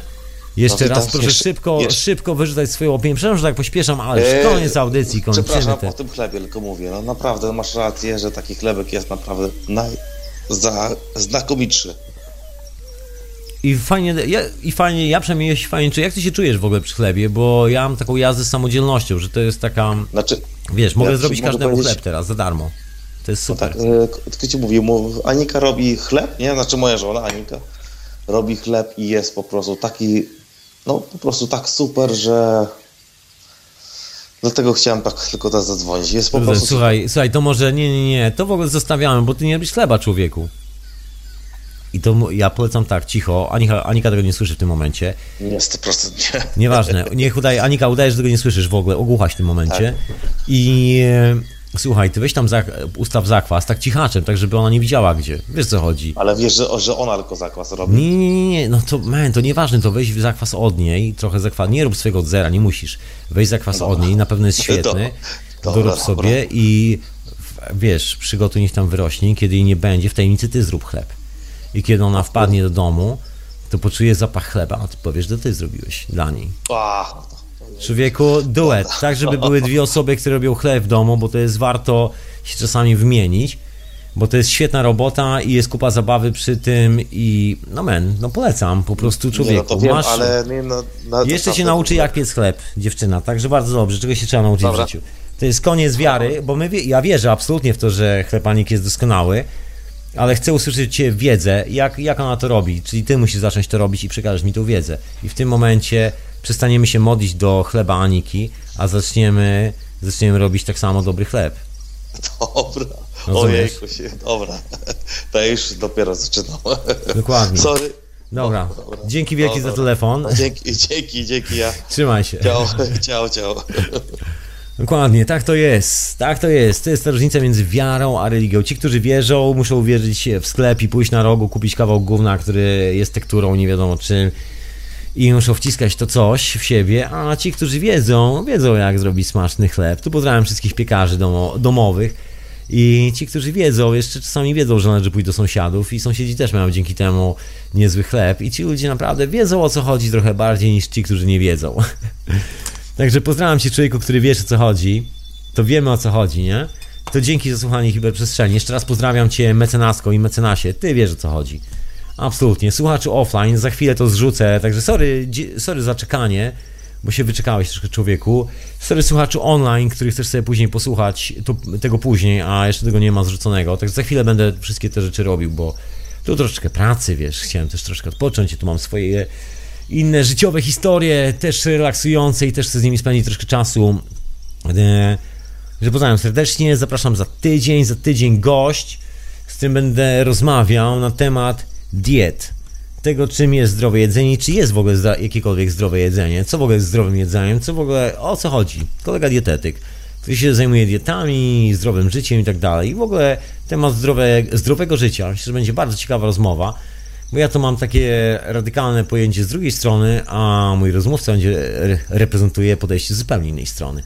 Otóż to, także myślę, że będzie ciekawe i interesujące spotkanie i dużo wiedzy, różnej wiedzy z różnych miejsc. Ok, ale to za tydzień zapraszam Cię, człowieku, do hiperprzestrzeni. Zapraszam Cię w środku tygodnia do księcia Edwarda Middle Week.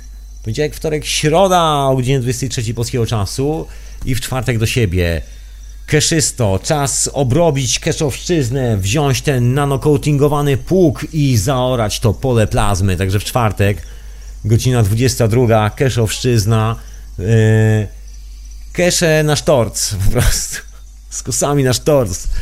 Dokładnie, Keszowszczyzna. Także uprawiam Keszowszczyznę tutaj w Radiu na Fali.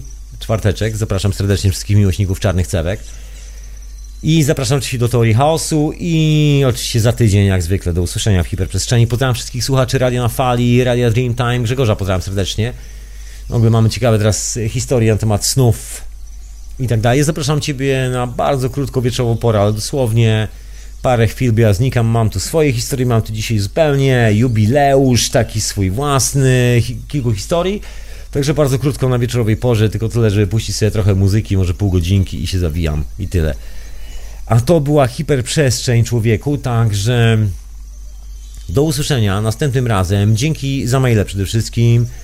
Dzięki za cierpliwość, mecenasko i mecenasie, że jeszcze nie wpisałem i że ty jeszcze to wytrzymujesz nerwowo. Przepraszam serdecznie, się troszeczkę wszystko poobsuwało, tu kilka obowiązków na głowie, aż nie głupio, sorry.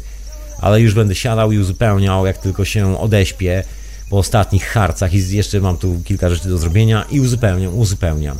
Już wszystko mam jeszcze, znaczy mam już u siebie na kompie, także wszystko jest ok. To tylko moje lenistwo, to nie jest kwestia żadnej wiary, że ja coś zrobię, to jest wiedza, dam Ci wiedzę.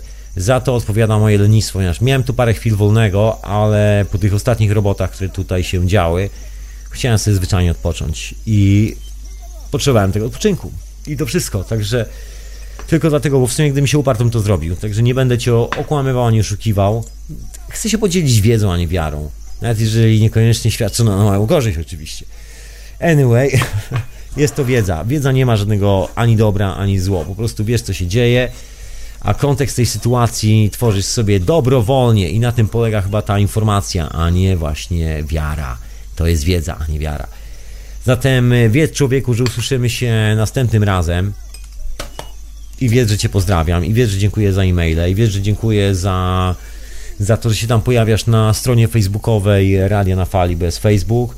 Jeżeli chcesz się pojawić na Keszowszczyźnie Radio na Fali, to zapraszam Cię. Tam są linki na stronie głównej Radio na Fali do profilu na Facebooku Radio na Fali dla Keshe Foundation i do wszystkich pozostałych rzeczy. Jeżeli chcesz sobie ściągnąć dokumentację, na przykład testy i troszeczkę podobne rzeczy, które są w temacie, są bardzo mocno w temacie. Nie jest to to samo, ale podobne w temacie.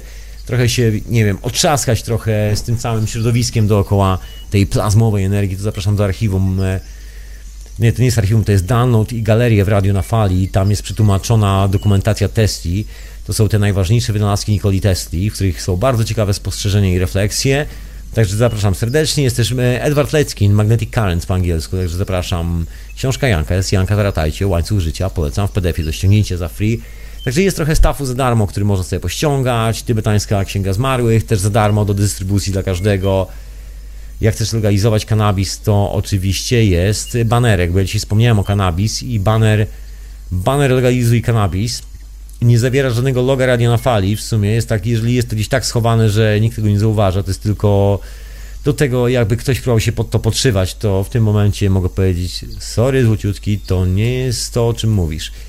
Także na szczęście mam tutaj, zostawiłem sobie prawo delikatnego głosu przy takich jakichś nerwowych sytuacjach, gdyby się takowe pojawiły. Takie wiecie, rodzaj, rodzaj rozumienia sytuacji, w której jest człowiek, w której może się znaleźć potencjalnie tak żeby idea nie została sprofanowana, można powiedzieć. Także jeżeli chcesz promować kanabis, legalizację kanabis, tam jest baner, który możesz sobie ściągnąć, używać do woli, miksować i tak dalej. Wszystko jest na otwartej licencji, radio na fali jest za free. Życie jest za darmo. Nikt nie rodzi się za pieniądze i ja tu też nie jestem po to, żebyśmy mieli ze sobą relację finansową. I chyba jasna sprawa. Także zapraszam serdecznie po tej przerwie ze stroną internetową do odwiedzin na stronie internetowej, do pobuszowania sobie po stronie, pościągania sobie rzeczy jak chcesz, poklikania sobie po linkach. Tam jest Teoria Chaosu, Ikesh Foundation, Radio Dreamtime, Radio Paranormalium, Wolne Media. Strona Janka nie działa na razie. Także e, ja nie, zdejmuję, nie zdejmuję jeszcze linka, ale uprzedzam, że strona aktualnie jest wyłączona. Jest Kohabitat, jest Akademia Boskiej Stopy. Guys, po prostu jest Guys and Girls, everything. Także cokolwiek chcesz, cokolwiek lubisz, tam sobie wskakuj na stronę. Rem, rem, rem. To wszystko, to wszystko, tak się zamyśliłem troszeczkę. I to wszystko z takich ostatnich ogłoszeń, rzutem na taśmę, także pozdrawiam Cię, słuchaczku i słuchaczko. I do usłyszenia następnym razem. Uff, to była hiperprzestrzeń w radiu na fali.com.